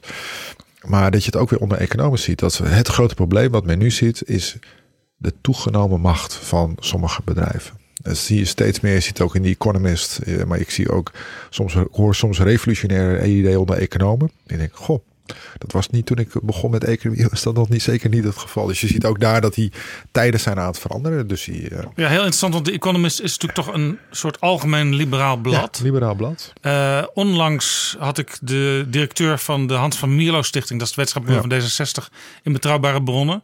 Uh, die had ook het jubileumnummer van The Economist heel goed gelezen en die zei... Daar staan een aantal dingen in die D66 ook moet gaan, gaan doen. En dat waren ook dingen die kritiek op dat huidige uh, financiële systeem uh, inhouden. Ja. En ik, ik, ik hoop van harte dat D66 die kritiek uh, te harte zal nemen. Want ik vind juist die partij was erg de status quo van markt verdedigen. Moet, het zit nog echt in het idee van die liberale wereldorde. Ik denk dat dat voorbij is, om eerlijk te zijn. Een paar weken later had ik in Betrouwbare Bronnen te gast Uri Rosenthal, oud-minister van de VVD. En die kwam ook met datzelfde nummer van de Economist ja, okay, aanzetten. Nou ja, goed. Dat is het mooie van de Economist. heeft op de liberalen veel invloed, zeg maar. Dus dat is goed. Eh, maar dat is inderdaad, daarom zeg ik ook onder economen. En zelfs onder liberalen zie je die kritiek onder met ontstaan. En dat, dus we moeten het kapitalisme van, het kapitalisme, uh, van de kapitalisten gaan redden. Dat is eigenlijk de situatie waarin wij zitten. En dit is weer de grote strijd. En die, die, ja, het was, die is op het lijf geschreven van de Partij van de Arbeid. Want dit is een hele klassieke opdracht. Het kapitalisme weer in goede banen leiden. Hoor ik u nu zeggen...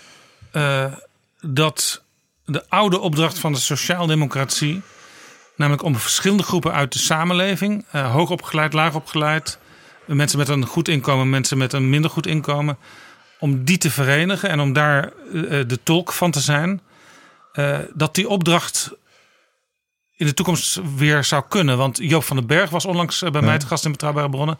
En die zei als Partij van de Arbeid daar niet in slaagt... en ik heb al heel lang het idee dat dat niet meer lukt... dan is er geen bestaansreden meer voor de Partij van de Arbeid. Ja, ik denk dat de manier waarop wij binding maken eigenlijk hetzelfde is als vroeger. Ik, ik, vergelijk het altijd met mijn opa. Mijn opa was elektricien bij het gemeentelijk energiebedrijf in Amsterdam. Die werkte met zijn handen. Nou, ik ben het ongeveer het tegenbeeld daarvan. Ik heb een hele lange schoolcarrière gehad. Ben ook nog gepromoveerd in de economie. Ik was een slim jongetje, ja, zeg maar. met uw hoofd? Ik werk met mijn hoofd. Maar in zekere zin zijn we nog steeds hetzelfde. Want ik moet uh, werken voor de kost. Ik heb een inkomen nodig. Uh, en als het gaat om de kwaliteit van mijn leven dan heb ik de overheid, die collectieve voorzieningen heel hard nodig. Want uh, wat gebeurt er als mijn moeder, uh, uh, die in Alkmaar woont, en ik ben ergens in Brussel of Straatburg. Wat gebeurt er met de zorg van mijn moeder? Ik heb onderwijs voor mijn jongens nodig. Ik heb goede leraren nodig, want dat zijn klassieke pubers, die jongens van mij. de veiligheid van mijn buurt. Ik heb heel veel mensen nodig om mijn leven goed te hebben. En dat, dat maakt mij tot nog steeds tot die arbeider die mijn opa ook was. En dat vind ik ook goed aan het verhaal van Jeremy Corbyn. Hij vertelt gewoon over de werkende klasse. En ik ben werkende klasse. Ondanks dat ik heel hoog opgeleid ben. Dat is voor mij niet heel wezenlijk anders dan, uh, dan toen mijn opa zo was. En de Partij van de Arbeid, die dus in de loop van de tijd kiezers heeft zien weglopen, bijvoorbeeld naar de SP, bijvoorbeeld ook naar de PVV. Die moeten dus echt weer in kunst slagen, zegt u. Bijvoorbeeld door een aantal dingen te gaan doen waar u in uw boek over schrijft in kunnen slagen al die verschillende groepen in de samenleving te binden op één ja. maatschappelijk programma. En, en, dat kost ook weer tijd. Hè? Dus als ik dan op mijn Facebookpagina krijg, uh, ja, dat zeggen jullie nu. Dus je moet ook weer, uh, dit verhaal moet je ook weer uh, niet alleen vertellen, maar ook weer gaan beleven. dus het is. en dan kan ja, je want het lastige weer... is natuurlijk wel, we hadden het er straks ook al over. Ja. Partij van de Arbeid is ook paars geweest. Partij van de Arbeid heeft ook uh, 4,5 jaar met Mark Rutte in een kabinet gezeten. En dat vergeten mensen natuurlijk ook niet. Nee, en terecht ook niet. Uh, dus ik denk ook dat, uh, dat je. Maar goed, uh, het begint met het vertellen van het verhaal. Hè, want ik zei, ik, ik heb dat boek vanuit een onrust geschreven. Want ik zie dat er 99% echt aflegt tegen de 1%. Maar dan gaan we in een wereld, naar een wereld van Garitas. Hè, met, met George Soros, Bill Gates. Mensen die belachelijk rijk zijn geworden. En die dan gaan bepalen wat goed is voor u en voor mij dus de democratie wordt dan eigenlijk buiten, buiten, bij, buiten spel gezet. doen de mensen die u nu noemt wel goede dingen? Ja, uitstekend. Maar ik vind het niet democratisch. Want George Soros bepaalt en Bill Gates bepaalt. En ik heb veel liever dat we dat doen via de overheid. En uh, daar een democratisch besluit over hebben. Dus ik vind al die gaar, uh, mooi gebaar. Maar ik heb liever niet uh, de weldoeners. Ik heb liever een democratie die goed functioneert. En ook zorgt voor de mensen die, die dat nodig hebben.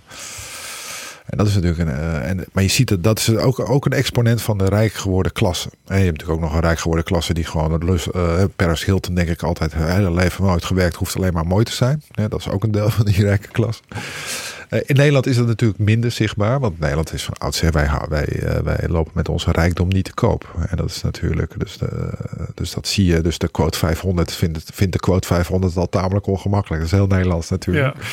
Ja, er is maar een enkeling die quote belt van uh, het klopt niet helemaal, ik heb, ik heb nog meer. Ja, precies, dat, dat zijn er weinig. Ja, klopt. Uh, maar goed, dat, dat is natuurlijk wel wat. En dus voelen veel werkenden zich ook door de Partij van de Arbeid in de steek slaan. Want dit is de ontwikkeling die gaande is. Die dit is een grote ongelijkheid die aan toenemen, uh, aan toenemen is. En er waar nog het antwoord nog niet, heel, nog niet op gevonden is. Dus echt nog een strijd om aan te gaan. We begonnen dit gesprek, Paul Tang, met het feit dat u eigenlijk wel lijsttrekker had willen worden, maar dat is dus het niet geworden. Want Frans Timmermans kwam ineens het toneel op. En die is natuurlijk in Europa uh, heel erg bekend. En die is nu ook de spitsenkandidaat namens de Sociaaldemocraten van heel Europa. U staat dus niet op nummer 1 van de lijst van de Partij van de Arbeid. Waar staat u wel? Ik sta op 3. Niet op 2? Uh, het is goed gebruik bij de Partij van de Arbeid dat we, dat, uh, dat we een gelijke verdeling over man en vrouw hebben. Dat is een mooie traditie. En drie, dat moet te doen zijn, hè, gezien de peilingen. Ja, zeker. Ik denk dat we, eh, de Partij van de Arbeid is weer op de weg terug. Uh, we hebben een Europese spitsenkandidaat. Uh, we hebben een sterk team. Dus ik uh, ben vol verwachting. Ik wens u veel succes en dank u wel voor dit mooie gesprek. Dank je wel.